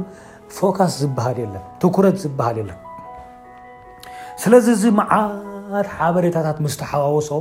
እንታይ ከም ድስዕብ እንታይ ከም ድኣምን ኣየናይ ሓቂ ኣየናይ ሓሶት ይጠፍኦ ኣብ ምንታይ ይመፅእ ሽዑ ኣብ ናይ ኮንፊዥን ስቴት ይመፅእ ልክዕ ኣብ ናይ ኮንፊዥን ስቴት ምስ መፀ ፀላኢ ክሪኦ ከሎ ሽዑ ንመጥቃዕቲ እንታይ ገይርዎ ሬዲ ገይርዎ ማለት እዩ ምክንያቱ ወላ ሓንቲ ንስኻ ሕጂ ናይ እግዚኣብሔር ድምፂ ኣየናዩ ሓቂ ኣየናዩ ሓሶት ኣየናዩ ንምፍላይ ተሸጊርካ ማለት እዩ በቃ ዝፀናሓካ መፅሓፍ ተንብብ ድረኸብካዮ ቪድዮ ትሰምዕ ድኾኑ ነገር በቃ ትኽሉ ዝተራ ኮንካ ክተሓዋወሰካ እዩ መወዳእታ ምክንያቱ ኣይትፈላልይን ኢኻ ፈላሊኻ ኣይትበልዕን ኢኻ ፈላሊኻ ኣይትበልዕን ኢኻ ፕራዮሪቲ ዝበሃል የለን ኣየናይ የድልየኒ መጀመርታ ኣየናይ ቀዳምነት ክህቦ ኣየናይ ሞር ኢምፖርታንት በቃ ዝጠቕመካን ዘይጠቕመካን ዝኾነ ሓደ ሓደ ግዜ ንሕና እኮ ምዕባለ ኢና ንቆፅሮ በቃ ዝኾነ ምፍላጥ ምዕባለ ኢና ንቆፅሮ ዝኾነ ምፍላጥ ዝኾነ ምፍላጥ ሽም ናይ ደረፍቲ ምፍላጥ ሲ ከም ምዕባለ ይቁፅር ሽም ኩሎም ደረፍቲ ቀደም ተምሃሮ ኮልና ኮም መስለና ነይሩ ኩሎ ተምሃሮ ኮይና ኣብ ኤርትራ ኮይና ኣብ ኤርትራ ሲ እሱ ኣብቲ ኣብቲ ዓድና ኮፍ ኢልና እንዳተማሃርና ናይ ሆሊውድ ደረፍቲ ናይ ሆሊውድ ተዋሳእቲ ናይ ሂንዲ ኣክተራት ኣሽማቶምን መልክዖምን ምጽናዕሲ ከም ምዕባለ ንቆጽሮ ነርና በቃ ሲቪላይዜሽን ይናዓና ሸ ዳትስ ኮንፊዥን ሲቪላይዜሽን ኣይኮነ እዚ ኮንፊዥን እዩ ምክንያቱ ኣየናይ ይጠቕመኒ ኣየናይ ኣይጠቕመንን፣ ኣየናይ የድልየኒ ኣየናይ ዕላማ ክህልወካ ኣለዎ። እንደን ክትፈላሊ ኣለካ ክትፈላሊ ሽዑ ኣብ ቅድሚ ትሰርዖ ነገር ኣሎ ብድሕሪኡ ትሰርዖ ነገር ቀዳምነት ትህቦ ነገር ኣሎ ደየድልየካ ደይጠቕመካ ነገር ከዓ ሸለል ትብሎ ነገራት ኣሎ ትገድፎ እምበር ድፅናሕካ ይኮንካ እንትወስድ ድር ድመፀ በቃ ድመፀ ነገር ተኸልሱ ኮንካ ሎሚ ከም ሎሚ ዓለም ኮንፊዝድ ኮይና ኣይትፈልጥና ከም ሎሚ ምክንያቱ በቃ ሓደ ኩሉ ሰብ ድዛረበሉ ዘበን እዩ ኩሉ ሰብ ሓሳቡ ድገልጸሉ ዘበን እዩ ኩሉ ሰብ ነናቱ ቻነል ዝገብረሉ ዘበን እዩ ሎሚ ቀደም እኮ ዝተወሰና ቴሌቪዥን ኣብ ገዛኻ ካትሪን ሎሚ ግን ነፍሲ ወከፍ ናቱ ቴሌቪዥን ኣለዎ ነፍሲ ወከፍ ሰብ ነፍሲ ወከፍ ሰብ ናቱ ቲቪ ኣለዎ መን ንመን ክሪኦ እዩ መን ንመን ክሰምዖ እዩ ከማን ገርመካ እዩ ኤቭሪባዲ ናቱ ቲቪ ኣለዎ ሕጂ ኩሉ ሰብ ናቱ ቻነል ኣለዎ ኩሉ ሰብ ሎሚ ብዛዕባ ፖለቲካ ይጅምር ድሕሪ ቁሩብ ይቅይራ ምክንያቱ ዕዳጋ ስእኑ ኣሎ ናብ ስፖርት ይኸይድ ብድሕሪኡ ናብ መንፈሳውነት መንፈሳዊ ነገር መጽእ ምስ ዝመፀ ኣርእስቲ ግልብጥብጥብጥብጥብጥ ምክንያቱ ዕላምኡ ንዓኻ ሓበሬታ ምሃብ ኣይኮነ ንሱ ገንዘብ ምእራይ ቢዝነስ እዩ ኮንፊዥን ሕጂ ኣብዚ ዘበን እዚ ናይ እግዚኣብሔር ድምፂ ፈሊኻ ክሰምዕ ቀሊል ኣይኮነን ካብዚ ዘሎ መዓት ማዕበል ናይ ሓሳባት ማዕበል ናይ ዜናታት ፈሊኻ እቲ ናይ ኣምላኽ ድምፂ እቲ ምስቲ ኣብቲ መንፈስ ዘሎ ሓቂ ዝሰማማዕ ትኽክለኛ ዝኾነ ሓበሬታ ፈሊኻ ክትወስድ እዚኣ ክትገብር ተኽኢልካ ተዓዊትካ እዚኣ ንምግባር ፈይል ተጌርካ ከኣ ኣብ ኮንፊዥን ትመጽእ ኣብ ኮንፊዥን ድመጸ ሰብ ድማ ብድላዩ መንገዲ ዲያብሎስ ንኸጥቅዖ ጸላእ ንኸጥቅዖ ኦሬዲ ፕሪፔር ገይርዎ ንመጥቃዕቲ ሰዳዲዎ ኣሎ ማለት እዩ ንኣብነት ብዛዕባ ብዛዕባ ብዛዕባ ግብረ ሶዶማውነት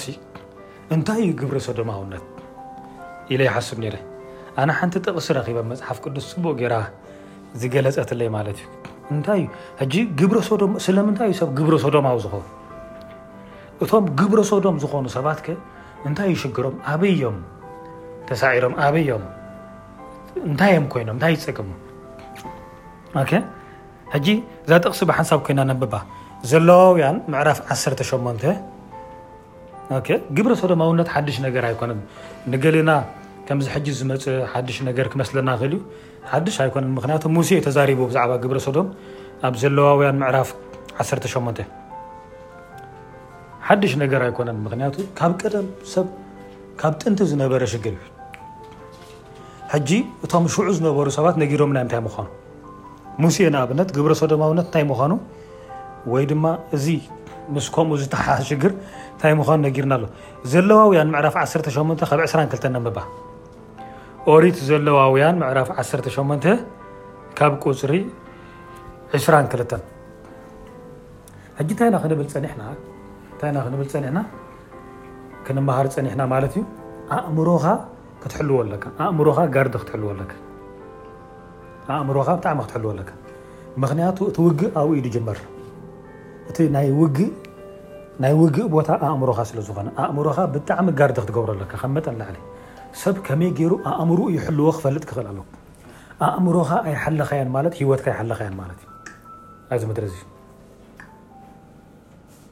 ሰብ ንእምርኡ ብጣዕሚ ካብ መጠን ንላዕሊ ከመይ ገይሩ ይሕልዎ ክፈልጥ ክኽእል ኣለዎ ሕጂ እዚ እንታይ እዩ ምስ ሓበሬታ ዝተሓሓዝ እንታይ ዓይነት ኢንፎርሜሽን ኣእምሮኻ ትቕልቦ እንታይ ክትርኢ ትውዕል እንታይ ክትሰምዕ ትውዕል እንታይ ዓይነት ፍልጠት ትቕለብ ኣለኻ እንታይ ተኣምን ኣለኻ ሓሶት ንኸይተኣምን መታን ክትንከ ኣለካ ኣምላኽ ሓቂ ንኽንኣምን እዩ ጸዊዕና እግዚኣብሔር ሓቂ ንኽንፈልጥ ድማ ጸጋ ሂቡና እዩ ሓሶት ኣሚንካ ማለት ግን ተሳዒርካ ማለት እዩ። ኣብዚ ውግእ ተሳዒርካ ማለት እዩ። ስለዚ ማይንድ ናትና ጋርድ ምግባር የድልዮ ብጣዕሚ ኣእምሮና ክንሕልው ካብ ገንዘብና ንላዕሊ ካብ ወርቅናን ብሩርና ንላዕሊ ኣእምሮና ክሕሎ ክእል ኣሎ ማይንድ ክሕሎ ክክእል ኣለዎ ኣእምሮ እንተ ደይተሓልዩ ኣብዚ ናይ ኢንፎርሜሽን ውግእ እንተ ክንዕወት ደይክኢልና ክንጥንቀቕ ተዘይክኢልና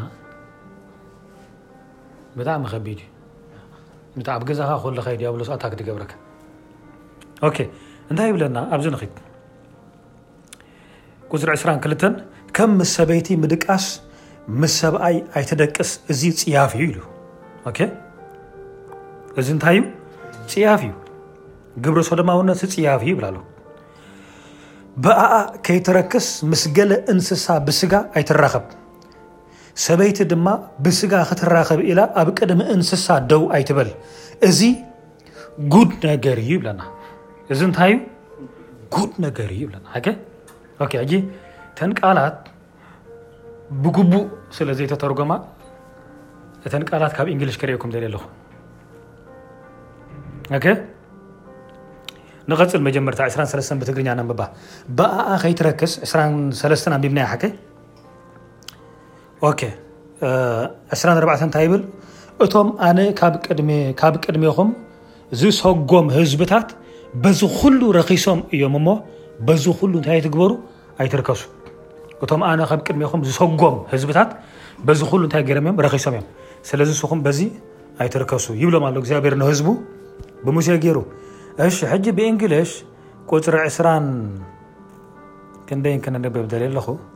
ዕስራን ሰለስተን ዕስራን ሰለስተን ዘኪርኩም ኣለኹም ብትግርኛ እንታይ ከም ትብል ሓቀይ ብኣኣ ከይትረግስ ምስ ገለ እንስሳ ብስጋ ይተራኽብ ሰበይቲ ድማ ብስጋ ክትራኸብ ኢላ ኣብ ቅድሚ እንስሳ ደዋ ይትብል እዚ ጉድ ነገር እዩ እዚስ እንታይ እዩ ጉድ ነገር እዩ እሳ እንታይ ከም ትብል እታ መወዳእታ ዘላ ቃል እዚስ ጉድ ነገር እዩ ትብል ብእንግሊዝኛ እንታይ ኢልዋ ከም ዘሎ ኢና ክንሪያ ዘለና ቁፅሪ 23 ኣብቲ መወዳእታ እንተኸድኩም ኣብቲ መወዳእታ ናይታ ጥቕሲ እታ ብትግርኛ እዚስ ጉድ ነገር እዩ ትብል ዘላ እንታይ እያ ትብል it is a confusion it is a confusion ስለዚ እግዚኣብሄር ሓደ ምስጢር እዩ ንሙሴ ገሊፅሉ እዞም ትሪኦም ዘለካ ግብረ ሰዶማውያን ኮይኖም ዘለዎ ግብረ ሶዶማውያን ጥራይ ዘይኮነ ምን ምስ እንስሳታት እውን ዝራኸቡ ምስ እንስሳታት መውስቦ ዝገብሩ ርክብ ዝገብሩ ብስጋ እንታይ ምዃኑ ሽግሮም እዩ ዝነግሮ ዘሎ እዚ ነገር እዚ እንታይ ኢልዎ ኮንፊዥን እዩ ስለዚ ፀላኢ እንታይ ገይርዎም እዞም ሰባት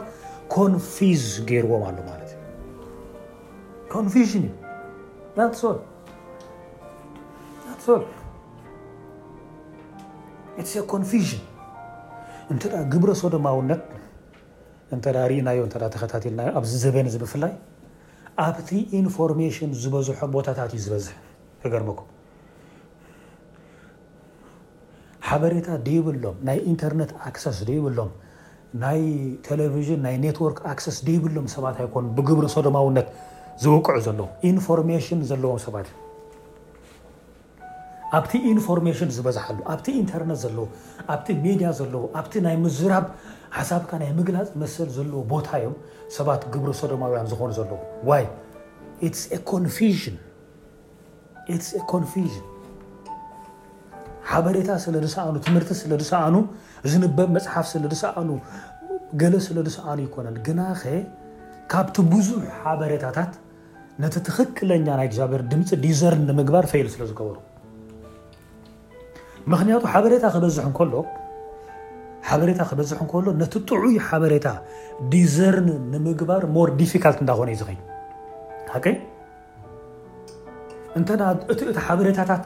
እቲ ናይ ሓበሬታታት ቻነል ውሑድ ተኮይኑ ብድሕሪኡ ንምፍላይ ብኡ መጠን ቅልል እንዳቐለለ እዩ ዝመፅእ the more information ክበዝሕ እንከሎ the more ድዛረብ ንኣብነት ከመይ መሲልኩም ኣብ ፃዕቂ ናይ ህዝቢ ዘለዎ ኣብ ከምዚ ከተማ ኣብ ማእከል ከተማ ኣቲኻ ብብዙሕ ህዝቢ ተኸቢብካ ኩሉ ሰብካ ጫውጫው ይብል ኣሎ ኩሉ ሰብ ይዛረብ ኣሎ ኣብ መንጎ እዞም ብዙሓት ሰባት ድማ ዝፅዋዓካ ሰብ ኣሎ ስለዚ ንክትሰምዖ ከቢድ ሓቂ ካብቲ ብዙሕ ድምፂ ፈሊኻ ናቱ ድምፂ ሰሚዕካ መን ይፅዋዓኒ ኣሎ ኢልካ ኣቴንሽን ክትቦ ነቲ ዝፅዋዕካ ዘሎ ሰብ ወይ ድማ ንሓደ ሰብ ኣብ መንጎ እዞም ብዙሓት ሰባት ብድምፁ ኣለሊኻ ክትፈልጦ ከቢድ እዩ እንተ እቶም ሰባት ውሕዳት ኮይኖም ግን ነቲ ትደልዮ ዘለኻ ሰብ በዚ ብድምፁ ክትፈልዮ ከቢድ ኣይኮነን ምክንያቱ ድምፂ ክውሕድ እንከሎ ዘን ንስኻ ነቲ ደሊኻዮ ዘለካ ድምፂ ንምፍላይ እናቐለለልካ ይመፅሓከይ ስለዚ ኣብዚ ግዜ እዚ ግን ድምፂ እንዳበዝሐ እዩ ዝኸይ ዘሎ ስፒድ ናይ ኢንተርነት እንዳወሰኸ እዩ ዝኸይ ዘሎ ኩሉ ሰብ ኩሉ ሰብ ዝዛረበሉ ኩሉ ሰብ ሓሳቡ ዝገልፀሉ ኩሉ ሰብ ሆ ዝብለሉ ዓለም ከም እንዳኾነት እያ ትኸይድ ዘላ ሕጂ ዓለም ጫውጫው እንዳኾነት እያ ትኸይድ ዘላ ጫውጫው ወላ ኣብ ገዛኻ ኣቲኻ ገዛኻ ዓፂኻሲ ከተዕርፈሉ ዘይትኽእል ማለት እዩ ደቅኻ ክትሓብኣሉ ዘይትኽእል ዘበን እዩ ሓቢእካ ክትሓብኦም ኣይትኽእል ወላ ሓንቲ ክትገብር ኣይትኽእል ሪኦ ኣለኹ ስለዚ ኣብ ከምዚ ዓይነት ግዜ ኣብ ከምዚ ዓይነት ግዜ ሰባት ናይ እግዚኣብሔር ድምፂ ዲዘርን ንምግባር ከቢድ ከቢድ ሓላፍነት እዩ ዘለዎ ኣብዚ ዘበን እዚ ናይ ኣምላኽ ድምፂ ንክትሰምዕ ቀሊል ኣይኮነን ፈሊኻ ንሓቂ ክትሰምዕ ቀሊል ኣይኮነን ክገርመኩም ኣብቲ ኢንተርነት እንተ መፅናዕቲ ጌርካ እንተ ተኸታቲልካዮ እቲ ጥዑይ እቲ ጥዑይ ቻናላት ብዙሕ ፈለወርስ የብሉን እቲ ንሰብ ጥዕና ዝህብ ዜና ዘሕልፍ እቲ ፅቡቅ ዝዛረቡ እቶም እቶም ጥዑይ ትሕዝቶ ዝህልዎም ሰባት ብዙሕ ፈለወርስ የብሎም ራይዎ ሃጠው ቀጠው ተኮይኑ ግን ንሰብ ኣብ ኣብ ድንግርግር ዝእቱ ወላ ሓንቲ ጥዑይ ትሕዝቶ ዘይብሉ ሱቅ ኢልካ ንዓይንኻ ዝርአ ንስጋ እንተዘይኮይኑ ወላ ሓንቲ ንነፍስኻ ንእእምሮኻ መግቢ ዘይብሉ መዓት ቪድዮታት ከዓ ብሚልዮንስ ቪው ብሚልዮንስ እዩ ዝረአ ብሚልዮንስ ሕጂ ካብዚ እንታይ ኢና ንምሃር ብዙሕ ሰብ ኮንፊዝድ ኮይኑ ከም ዘሎ ኢና ንምሃር ኣብዚ ግዜ እዚ ማእለያ ዘይብሉ ሰብ ፀላኢ ኮንፊዝ ገይርዎ ከም ዘሎ ኢና ክነስተውዕል ንኽእል የትሰ ኮንፊዥን ስለዚ ብዙሓት ግብረ ሶዶማውያን ክትርኢ ክስታይ ኣይኮነን፣ ዘገርም ኣይኮነን ኣብ ከምዚ ዓይነት ግዜ። መጽሓፍ ቅዱስ ኮንፊዥን ናይ ኣእምሮ ነገር እዩ፣ ናይ ማይንድ ነገር እዩ፣ ናይ ሓሳብ ነገር እዩ። ሰባት ግብረ ሶዶማዊ ዝገብሮ እቲ እቲ ዝሰምዖን እቲ ዝሪኦን እዩ፣ እቲ ሓሳብ እዩ። ብኡ ኣቢሉ ኦፍኮርስ መንፈስ ኣሎ። ኩሉ ግዜ ኩሉ ግዜ ቢሃይንድ ዝኾነ ይኹን ሓሳብ መንፈስ ኣሎ ቢሃይንድ ዝኾነ ይኹን ተንብቦ መፅሓፍ መንፈስ ኣሎ ቢሃይንድ ዝኾነ ይኹን ትሪኦ ሙቪ ፊልም ድራማ ዋት ኤቨር ኢንፎርሜሽን ዝሓዘ ነገር ስፒሪት ኣሎ መንፈስ ኣሎ ሕጂ እቲ መንፈስ እንታይ ድገብር እቲ ኢንፎርሜሽን እቲ ሓበሬታ እንተ ደይኣትዩ እቲ መንፈስ ክኣቱ ይክእል እቲ ሓሳብ እንተ ኣትዩ ግን እቲ መንፈስ ክኣቱ ይኽእል እዩ እቲ ሓሳብ እዩ ነቲ መንፈሳይ ዝገብሮ ኣትራክት ዝገብሮ ዝዕድሞ ስለዚ ኣብ ውሽጥኻ ዝኣቱ ዘሎ ሓሳባት እንታይ ዓይነት መንፈስ ክፅውዓልካ እዩ እንታይ ዓይነት መንፈስ ኣትራክት ክገብር እዩ እዩ ትሕቶ ክብርን ኣምላኽ ይኹን ኣምላኽ ግን ሰናይ ኣመን እግዚኣብሔር ስለቲ ዝሃበና ፀጋ ናይ ብሓቂ ዝተመስገነ ይኹን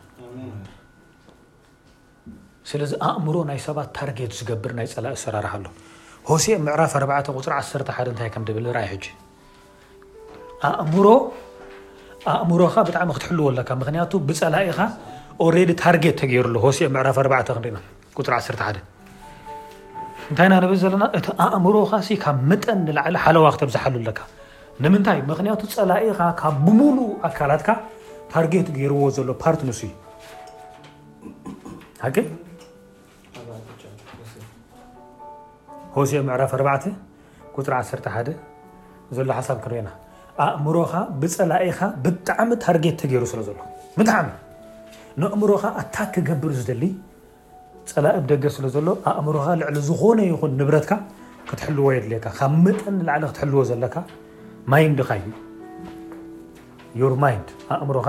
ከመይ ጌርካ ንእምሮኻ ክትሕልዎ ከኣ ትፈልጥ ኣለካ ትመሃር ኣለካ ኦኬ ሆሴ ምዕራፍ 4 ቁፅሪ 11 ርብ ኣብዚ ሕጂ ሓደ ሰራርሓ ናይ ፀላኢ ክንርኢና ኣእምሮ ናይ ሰባት ኣታክ ዝገብረሉ መንገዲ ቁፅሪ 11 ትንቢት ሆሴ ምዕራፍ 4 ቁፅሪ 11 ከምዚ ይብለና ምንዝርናን ወይንን ኮልዕ ወይንን ኣእምሮ የጥፍእ ኢሉ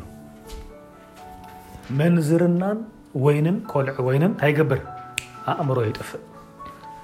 እዚ ድማ ሬዎ ሕጂ ንኣእምሮኻ ኣታክ ዘምፃሉ ሓደ ፀላኢ ዝጥቀመሉ መንገዲ ምንዝርና ከምኡ ድማ እንታይ ወይኒ መስተ መስተ ኣብ ዓድና ሓደ ካብቲ ሓደ ካብቲ ፀላኢ ነቲ ናትና ሕብረተሰብ ኣታክ ንምግባር ዝተጠቀመሉ እዚ መስተ ዝብል ነገር እዩ መስተ ዝብና ምሉእ ሰብ ኣብ ዓድና ኩላትና ንፈልጦ ኢና ኣብቲ ናትና ከኣ ሕብረተሰብ ብፍላይ ኣብዚ ዳሕረዋይ ዓመታት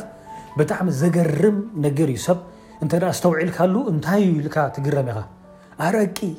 መስተ በብዓይነቱ ሰብ ካብ መግቢ ክበልዕ ንላዕሊ ኣረቂ ክሰት እዩ ዝደሊ መግቢ ከማን ኣይበልዕን ብግቡእ መግቢ ከማን ኣይበልዕን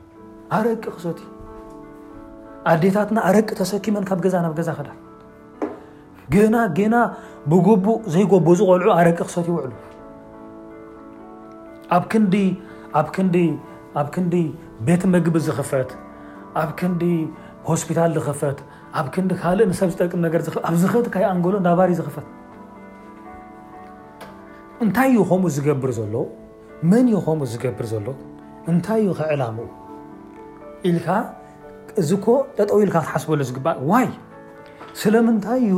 ኣብ ፈቐዶ እንዳባራት ዝኽፈት ዘሎ ስለምንታይ እዩ ናይ ካልእ ፋብሪካ ደይብልና ከሎ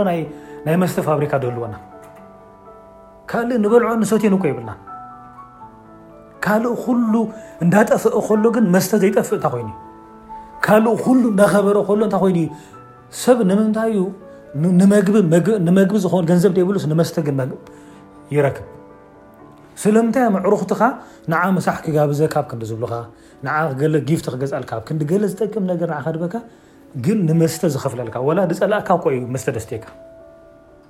ወላ ዝጸላእካ ሰብ ናይ መወዳእታ ኣብ ዓድና ገንዘብ ዘየውፅእ ሰብ ገንዘብ ዘየውፅእ ናይ መወዳእታ ንመስተ ግን ገንዘብ የውፅእ ኣስተውዒልኩም ኣለኹም ንኣረቂ ገንዘብ የውፅልካ ደር ኢዝ ኣን ኢነሚ ቢሃይንድ ኢት ስቑኢልካ ኣይኮነን ቢሃይንድ እዚ ጉዳይ እዚ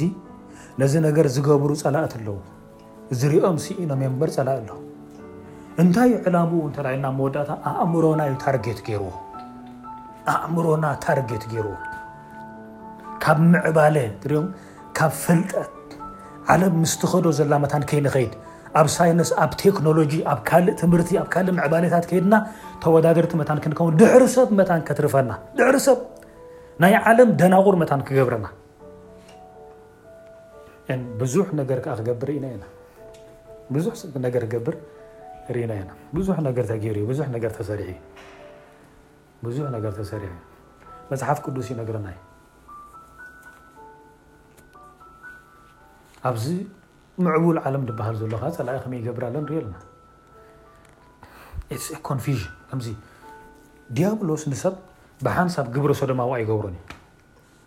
ግብረ ሶዶማውያን ንክገብሮም መጀመርታ ናብ ምንዝርና እዩ እትዎ መጀመርታ ምንዝርና እዩ ኖርማል ገይርዎ ምንዝርና በቃ ምንዝርና ምስ ዘይ ሰበይትኻ ምድቃስ ምስ ዘይ ሰብኣይክ ምድቃሲ ናብ ኖርማል ኣምፅዎ መጀመርታ ስለዚ ናይ ምንዝርና መናፍስቲ እዮም ኣብ ቅድሚት ዝለኣኹ ከምኡ ድማ ናይ መስተ ንሰብ ናብ ምንዝርናን ናብ መስተን እእትዮሞ እቲ ወለዶ ናብ ከምኡ ሰእተዎ ብድሕሪኡ ኣእምሮኦም ክጠፍእ ይጅምር። ናይ ምምዝዛን ዓቕሞም ዲዘርን ናይ ምግባር ናይ ምስትውዓል ዓቕሚ ይዳኸምቲ ጀነሬሽን ስለዚ ኣእምሮኡ ዘይጥቀም ጀነሬሽን ይመፅእ። ዘይሓስብ ሃካይ፣ ዘይምርምር፣ ዘይፍትሽ፣ ዘይጥንቀቕ ብቐሊሉ ክተጥቅዖ ትኽእል ጀነሬሽን እንታይ ትገብር ትሰርሕ ማለት እዩ። ብድሕሪኡ ኮንፊዝ ትገብሮ ኮንፊዝ ምስ ገበርካ ግብረ ሶዶማዊ ክትገብሮ ቀሊል ይስራሕ። ምክንያቱ ግብረ ሶዶማውነት ኮንፊዥን እዩ ናይ ኣእምሮ ነገር እዩ ናይ ኣእምሮ ጉዳይ እዩ ቢሃይንድ እቲ ነገር መንፈስ ኣሎ እቲ መንፈስ ክሰርሕ ከሎ ግን ኣብ ኣእምሮ እዩ ታርጌት ገይሩ ዝሰርሕ ምክንያቱ ነእምሮኻ ኮንፊዝ ክሳዕ ደይገበሮ ናብ ዝኾነ ካልእ ቦታ ክኸይድ ኣይክእልን ኣታ ገብረካ ኣይክእልን ኣእምሮኻ እንተ ሓሊኻዮ ሲ ነቲ መንፈስ ምእታው ክልኢካዮ ማለት እዩ ብካል ኣዘራርባ ዝኾነ ይኹን ኮንፊዝድ ዝኾነ ሰብ በቃ እዚ ንመጥቃዕቲ ዝተዳለወ ሰብ እዩ ኤኒ ታይም ዝኾነ ነገር ክኸውን ይኽእል እዩ ኣብ ሰብዚ ኮንፊዥን ማለት ድማ ኮንፊዝድ ንብሎ ሰብ ዘይተማሃረ ሰብ ኣይኮነን ፊደል ዘይቆፀረ ሰብ ኮንፊዝድ እዩ ማለት ኣይኮነን ወይ ድማ ሓደ ሰብ ዲግሪ ስለ ዝፀዓነ ዶክተር ስለ ዝኾነ እዚ ሰብ እዚ ኮንፊዝድ ኣይኮነን ማለት ኣይኮነን ከምኡ ኣይኮነን። ኮንፊዥን ማለት ኣብ ሞንጎ እዚ ማእለያ ዘይብሉ ድምፂ ካብዚ ኩሉ መዓት ቁፅሪ ዘይብሉ ድምፂ ፈሊኻ ነቲ ሓቂ ዝኾነ ናይ ኣምላኽ ድምፂ ክትሰምዕ እንተኽኢልካ ጥራይ ኢኻ ኮንፊዝድ ኣይኮንካን። ናይ እግዚኣብሔር ድምፂ ዲዘርን ንምግባር ፈይል ተጌርካ ግን ዩ ኣር ኮንፊዝድ እንታይ ዓይነት ሰርቲፊኬት ኣለካ እንታይ ዓይነት ዲግሪ ኣለካ እንታይ ዓይነት ደሞዝ ኣለካ ብዘየገድስ ዩ ኣር ኮንፊዝድ ዩ ኣር ኮንፊዝድ ዩ ኣር ኮንፊዝድ ብዙሓት ምሁራት ሰባት ኣለዉ ብዙሓት ምሁራት ሰባት ኣለዉ እሶም ግብረ ሰዶማውያን ኣይኮኑን እሱ ሰበይቱ ኣላቶ ደቁ ኣለዎ ፋሚሊ ኣለዎ ግብረ ሶዶማውነት ግን እንታይ ኣብ ቴሌቪዥን ብዙሕ ክዛረቡ ሰሚዐዮም መራሕቲ ኣብ ናይ ፖለቲካ ስልጣን ዘለዉ ኣብ ዓበይቲ ናይ ሳይንስ ቦታታት ዘለዉ ኣዝዮም ምሁራት ሰባት እዮም ስለዚ እዚ ግብረ ሶዶማውነት ሲ ተፈጥራዊ ነገር እዩ ኮንፊዥን ኣይኮነ ናይ ኣእምሮ ፀገም ኣይኮነን ተፈጥራዊ ነገር እዩ ከምኡ ኢሎም እዮም ተፈጢሮም ናቹራል እዩ ኢሎም ክዛረቡ ሰሚዕና ኣለና ምስዚ ኩሉ ትምህርቶም ምስዚ ኩሉ ዶክተር እዩ እንዳበሉኻ ከለዉ ከምኡ ኢሉ ክዛረብ ጸንሐከ እዚ ሰብ እዚ ግብረ ሶዶማዊ ኣይኮነን ግናኸ ኮንፊዝድ እዩ ኦሬዲ ኣብ ኮንፊዥን እዩ ዘሎ ግብረ ሶዶማዊ ንክገብሮ ሰይጣን ነዚ ግዜ ወስደሉን እዩ ኣይወስደሉን እዩ ምክንያቱ ሓደ ሰብ ጥዑይ ሰብ ናብ ቤት ማእሰርቲ ክሰድዎ ከለዉ ናብ ቤት ማእሰርቲ ጥዑይ ነይሩ ገርል ፍረንድ ነይራቶ ወይ ሰበይቲ ነይራቶ ገለ በቃ ጽቡቕ ነይሩ ጥዑይ ሰብ ነይሩ ናብ ቤት ማእሰርቲ ይኣቱ ዓመት ክልተ ዓመት ተኣሲሩ ክወጽእ ከሎ ግብረ ሰዶማዊ ኮይኑ ይወጽእ ከመይ ጌርካ ናቹራል ትብሎ እዚ ከመይ ጌርካ ከምኡ ኢሉ ተፈጢሩ ትብሎ ነዚ ንገሊኦም ከዓ ጌና ቆልዑ ከሉ እዩ ኣታክ ዝገብሮም ገና ህጻናት ከለዉ መብዛሕትኦም መብዛሕትኦም ግብረ ሶዶማውያን ዝኾኑ ሰባት ሞስት ኦፍ ደም ክምስክሩ ከለዉ ገሊኦም ዓመፅ ዘጋጠሞም እዮም ኣወዳት ኮይኖም ብሰብኡት እንተ በቦታቶም ድዩ እንተ ብካልኦት ዓመፅ ዘጋጠሙ ፆታዊ ዓመፅ ዘጋጠሞም የምዘን ብኡ ገይሮም ብኡ ገይሮም ብኡ ገይሮም ናብ ግብረ ሶዶም ዝኣተው ብዙሓት ኣለዉ ድምስክሩ ካብ ወፅያ ኢትስ ኤ ኮንፊዥን መፅሓፍ ቅዱስ ኢልና ኢትስ ኤ ኮንፊዥን ኮንፊዝ ዝገብር መንፈስ እዩ ሓሳባትካ እንተ ኮንፊዝ ገይርዎ ስምዒታትካ ኮንፊዝ ኮይኑ ኣሎ ኦሬዲ ምክንያቱ ኣብ ዝሓለፈ ኢና ነርና ስምዒትካ ማለት ውፅኢት ናይ ሓሳባትካ እዩ ሓሳባትካ እዩ ንስምዒትካ ዝፈጥሮ ኣብቲ ናይ ሓሳብ ግዝኣትካ እንተ ዲያብሎስ ኮንፊዝ ገይርካ ስምዒታትካ ናብ ድላዩ ክወስዶ ክእል እዩ ናብ ድላዩ ንዝኾነ ንዝደለዮ ስምዒት ክበካ ክእል እዩ ሓሳባትካ እንተ ናብ ዝደለዮ ክወስዶ ክኢሉ ስምዒትካ ናብ ዝደለዮ ክወስዶ ናይ ግድን እዩ ሕጂ ስምዒታትካ ክትቆፃፀር ኣይኮንካን ሕጊግ ትብል እስኻ ሓሳባትካ ኢኻ ትቆፃፅሮ ኣእምሮኻ ኢኻ ትቆፃፅሮ ምስ ስምዒትካ ክትቃለስ የብልካን ምስ ስምዒትካ ደዋጊ የብልካን እንተ ኮይኑ ከምዚ ይስማዓኒ ኢልካ ወሪ ምግባር ኣየድልየካን እዩ ጃስት ንስካ ኣብቲ ናይ ኢንፎርሜሽን ቦታ ኣብቲ ናይ ሓሳባት ቦታ ስራሕ ስለዚ ኮንፊዥን ተራ ጸልማት ኮይኑ እንታይ እዩ ዘድልየካ ማለት እዩ ንዓካ ሕጂ ብርሃን ሓቂ ንዓካ ዘድልየካ እንታይ እዩ ብርሃን ቃልካ ንእግረይ እንታይ እዩ ንመገደይ ከዓ ብርሃን እዩ ስለዚ ብርሃን ድማ ናይ እግዚኣብሔር ቃል እዩ ናይ እግዚኣብሔር ቃል ተራ ዘይብልካ ኮይኑ ብርሃን የብልካ ዝሃለዎ ዓይነት ትምህርቲ ይሃለወካ ናይ እግዚኣብሔር ቃል ዘይብልካ ተኮይኑ ብርሃን የብልካ ብርሃን የብልካ ስለዚ ብርሃን እዩ ዘድልየካ ብርሃን እዩ ዘለካ ክብርን ኣምላኽ ይኹን እግዚኣብሔር ሰናይ ኣሜን ኣለና ዶ ኦኬ ግብረ ወራት ምዕራፍ 13 ንኺድ እሞ ናብቶም ናይ መወዳእታ ሓሳባትና ክንከይድና ሕጂ ኣብ ግብረ ሃዋርያት ምዕራፍ 13 ናይ ጥንቆላ መንፈስ ክንርኢና እዚ መንፈስ እዚ ኤክስፖዝ ክንገብሮ ኢና ግብሪ ሃዋርያት ምዕራፍ ዓሰርተ ሰለስተ ሓደ ጠንቋሊ ኣሎ ኣብኡ ክንርኢ ኢና ናይ ጥንቆላ መንፈስ ከመይ ገይሩ ከም ዝሰርሕ ኢና ንርኢ ኦኬ ግድ ግብረ ሃዋርያት ምዕራፍ ዓሰርተ ሰለስተ እንተ ኸድና ካብ ቁፅሪ ኣርባዕተ ጀሚርና ከነንብብ ኢና ኦራይት ግብረ ሃዋርያት ምዕራፍ ዓሰርተ ሰለስተ ካብ ቁፅሪ ኣርባዕተ ንሳቶም ከምዚ ኢሎም ብመንፈስ ቅዱስ ተላኢኾም ናብ ለውቅያ ወረዱ። ካብኡ ኸኣ ብመርከብ ናብ ቆጵሮስ ከዱ። ኣብ ሰላሚስ ምስ በጽሑ ኸኣ ብሓንሳብ ኣለና ምሽ ኣብ ኣባይቲ ጸሎት ኣይሁድ ቃል ኣምላኽ ነገሩ፣ ንዮሃንስ ከኣ ከገልግሎም ወሲዶሞ ነበሩ። ነታ ደሴት ብዘላ ከኣ ብዘላ ክሳዕ ጳፎስ ምስ ዘርዋ ከኣ ሓደ ጠንቋሊ ነቢ ሓሶት ጠንቋሊ ነቢ ሓሶት ኦኬ ባር የሱስ ዝስሙ ኣይሁዳዊ ሰብኣይ እንታይ ገበሩ ረኸቡ እዚ ጠንቋሊ እዩ ናይ ጥንቆላ መንፈስ ኣለዎ ናይ ጥንቆላ መንፈስ ሰይጣን ብጥንቆላ ዝጥቀመሉ ማለት እዩ ናይ ጥንቆላ መንፈስ እዩ እንታይ ዝገብሮ ዝጥቀመሉ ኣነ ቀደም ቀደም ንሕና ንኣሽቱ ከለና ሓንቲ ጠንቋሊት ሰበይቲ ነራ ኣነ ዝዝክራ ንእሽተይ ከለኹ ኣብቲ ዝነበርናዮ ዓዲ ማለት እዩ ሕጂዛ ሰበይቲ ኣብ ሓደ ኣረጊት ኣብ ጉዳያ ተቕመጥ ኣብ ሓደ ከምዚ ክፈርስ ደልየ ኣረጊት ንኣሽቱ ስለ ዝነበርና ትዝ ይብለኒ እዩ ድኻ እያ ናብራኣ ብጣዕሚ ድኽነት እዩ እቲ ትነብሮ ገዛ ከም ዝብለኩም ዘለኹ ክስታ እዩ በቃ ከምዚ ከርፋሕ ዓይነት ናብራ እያ ትነብር ዛዕጎል ኣለዋ ገለ ጥዑይ ንብረት የብላን ጥዑይ ክዳን የብላን ኣብኡ ኮይና እንታይ ትገብር መሲልኩም ትጥንቁል መብዛሕትኡ ቀደም ንፈልጦም ጠንቆልቲ ከምኡ እዮም ዛዕጎል ሒዞም ኣብ ፈራሲ ገዛ በረኻ ገለ ዝቕመጡ እዮም ሓገ ያ እምበር ከምዚ ቀደም ንኣሽቶ ከለና ሲ ዲግሪ ዘለዎ ጠንቋሊ ንፈልጥ እና ሓቀይ ሓቀይ ዶ ማኪና ማኪና ዘላቶ ትካላት ዘለዎ ጠንቋሊ ገለ ብዙሕ ኣይንፈልጥ እና ኣብዚ ደሓር እዮም ቁሩብ ከምኡ ደሓን ዝኾኑ ሃብታማ ጠንቆልቲ ገለ ክመፁ ጀሚሮም ኣብ ዓድና እምበር ቀደም ከምኡ ይነበሩ ሕጂ ብከምኡ ስለ ዝዓበና ጥንቆላ ንሕና ምስቆም ኢና ነታሕዞ ጠንቋሊ ክበሃል ከሎ ኣብ ፈራሲ ገዛ ዛዕጎል ሒዙ ክፀንሓና ገሌና ሕጂ ግን መፅሓፍ ቅዱስ ግን ከምኡ ከም ዘይኮነ ጥንቆላ ይነገረና እዩ ናይ ሎሚ ጥንቆላ ኣበይ ኢካ ትረክቦ መሲልኩም ኣብቲ ኣብቲ ዋይት ሃውስ ኮፍ ኢሉ ይጸንሓካ ናይ ሎሚ ጥንቆላ ኣብ ዓበይቲ ዩኒቨርሲታት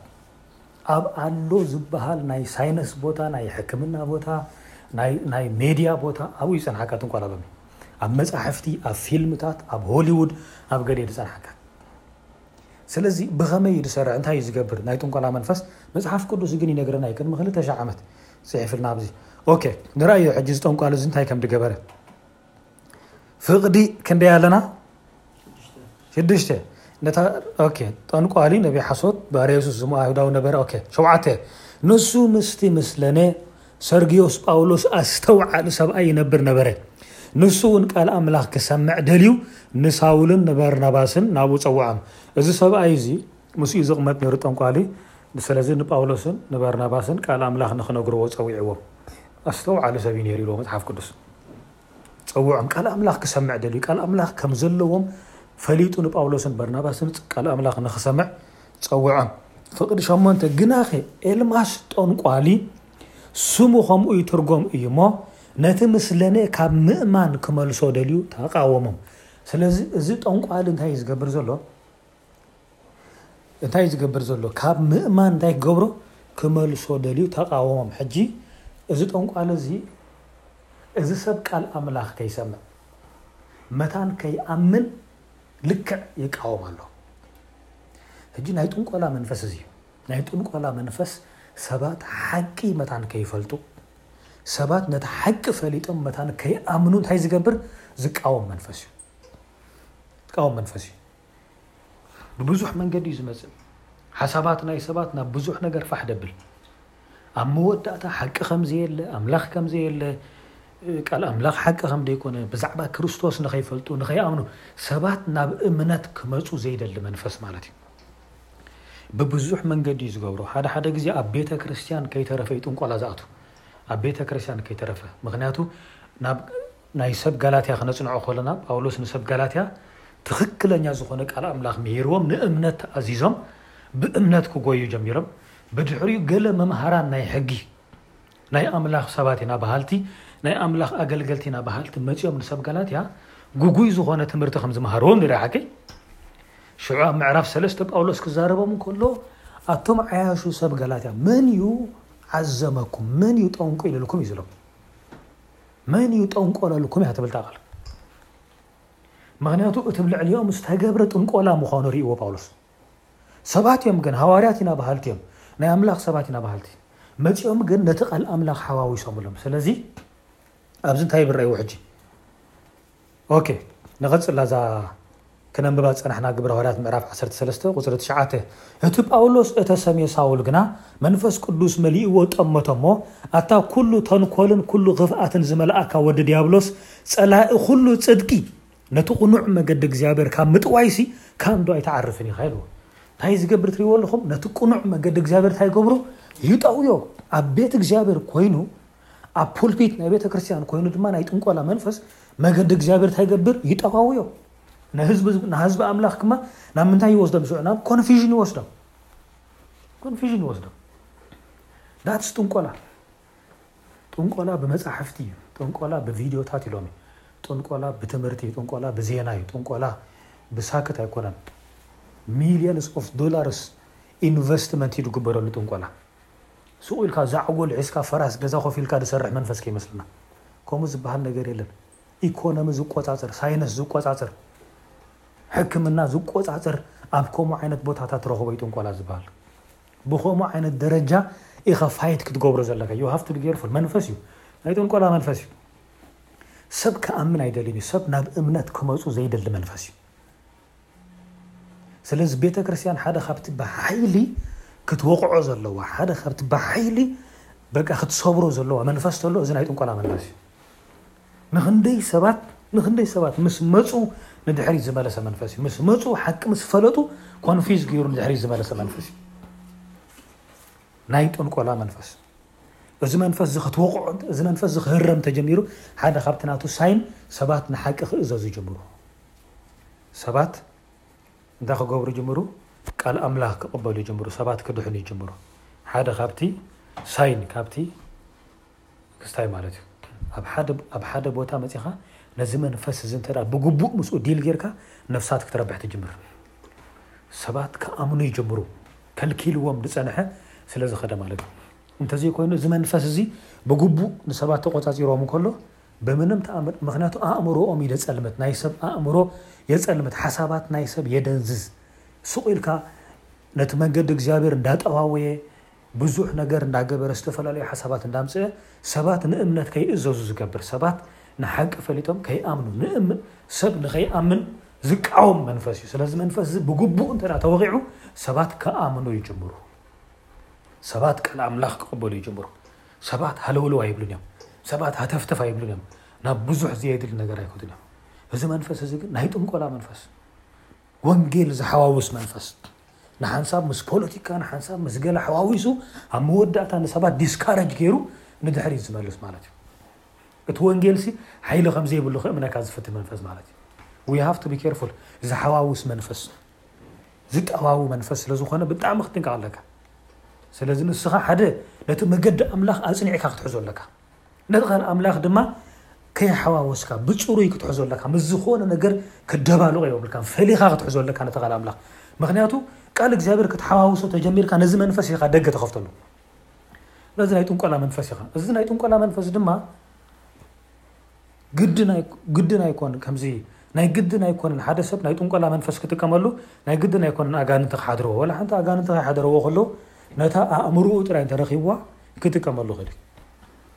ምክንያቱ ዝተሓዋወሰ ምግቢ እንተብሊዕካ እስኻ ከዓ ንካልኦት ሰባት ዝተሓዋወሰ መንገዲ ክተብልዖም ኢኻ መኣዲ ክተብልዖም ኢኻ ስለዚ ዳትስ ጥንቆላ ጥንቆላ ማለት ዝሓዋውስ ማለት እዩ ዝጠዋው ማለት እዩ እስኻ እንተ ጌጋ ነገር ክትኣምን ክኢልካ እቲ መንፈስ ተዓዊቱ ኣሎ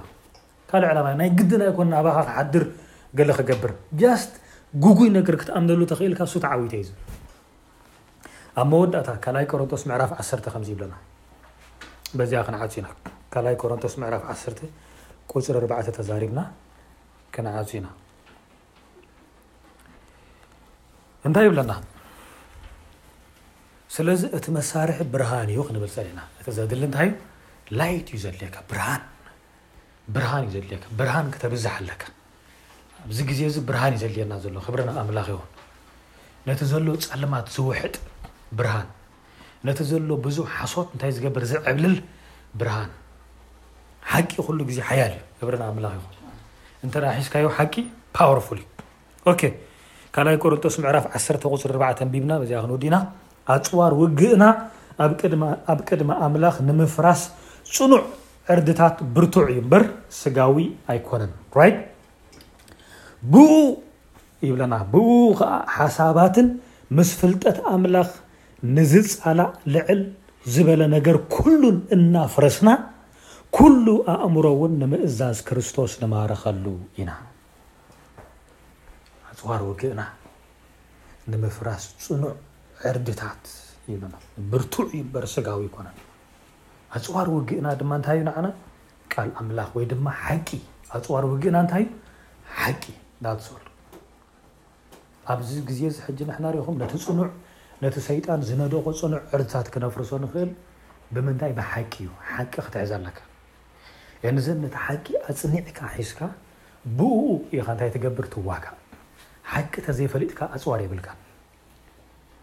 ኣጽዋር ተድኣ ዘይብልካ ድማ ክትዋጋእ ኣይትኽእልኻ ክተፍርስ ኣይትኽእልኻ ኣትሊስት ኣጽዋር ክህልወካ ኣለዎ ክተፍርስ ተኾይንካ ካብቲ ክተፍርሶ ትሓስብ ዘለካ ዝብርትዕ ኣጽዋር ክትሕዝ ኣለካ ክተፍርስ ተድኣ ኮንካ እንተዘይኮይኑ ግን እቲ ክተፍርሶ ትሓስብ ዘለኻ ካብኡ ዝሓይሽ ኣጽዋር ዘይብልካ ተኾይኑ ከመይ ጌርካ ክተፍርሶ ትኽእል ስለዚ ኣብዚ ግዜ እዚ ንሕና እግዚኣብሄር ንዓና ኣነ እንታይ ኢለ ይኣምን ሎሚ ኣብዚ ዘበን እዚ ዘለና ኩላትና ክርስትያናት ማለት ኣምላኽ ናይ መወዳእታ ግጥም ምስ ጸልማት ክንጋጠም ዝሓረየና ሰባት ኢና እግዚኣብሄር እቲ ፋይናል እቲ ፋይናል ምስ ናይ ጸልማት ሓይልታት ዝግበር ግጥም ክንጋጠም ዝመረጸና ሰባት ኢና ስለዚ እዩ እግዚኣብሔር ናይዚ ዘበን ሰባት ገይርና ዘሎ ኣብዚ ግዜ እዚ ክንነብር ገይርና ዘሎ ስለዚ እንታይ ኢና ክንገብር ዘለና ዕዉት ዝኾነ ግጥም ተጋጢምና ንጸላኢ ድማ ስዒርና ኣፍሪስና ንብዙሓት ሰባት ድማ ናብ ሓቂ ክነምጾም ናብ ጽድቂ ክነምጽ እንተ ኮይና እዚ ኣጽዋር ዝብሎ ዘሎ መጽሓፍ ቅዱስ ክንዕጠቖ ከድልየና እዩ። ኣብኡ ክነተኩር ከድልየና እዩ። ኣጽዋር ከድልየና እዩ። ኣጽዋር ከድልየና እዩ። ኣጽዋር ከይሓዝካ ውግእ ዝበሃል ክትሓስቦ ከማን የብልካን። ክዋጋእ እየ ትብል ተኾይንካ ኣጽዋር የድልየካ። ክዋጋእ ዝሓስብ ውግእ ዝሓስብ መንግስቲ ኣጽዋር እዩ ዝገዝእ። ውግእ ከም ዘለዎ ኩናት ከም ዘለዎ ተፈሊጡ እንታይ ዝገብር ኣጽዋር እዩ ዝዓድግ። ስለዚ ኣጽዋር ክንሕዝ ከድልየና እዩ። ኣጽዋር ክንዕጠቕ ከድልየና እዩ። ክብሪ ንኣምላኽ ይኹን ስለዚ ካብዚ ተበጊስና ሕጂ ኣብ next ናብ ኤፌሶን ምዕራፍ ሽዱሽተ ክንከይድ ኢና and then እቲ ኣጽዋር ዝብሎ ኣብኡ ድማ ክንሪኦ ኢና እግዚኣብሔር ዝተመስገነ ይኹን ክብሪ ንኣምላኽ ይኹን ኣሜን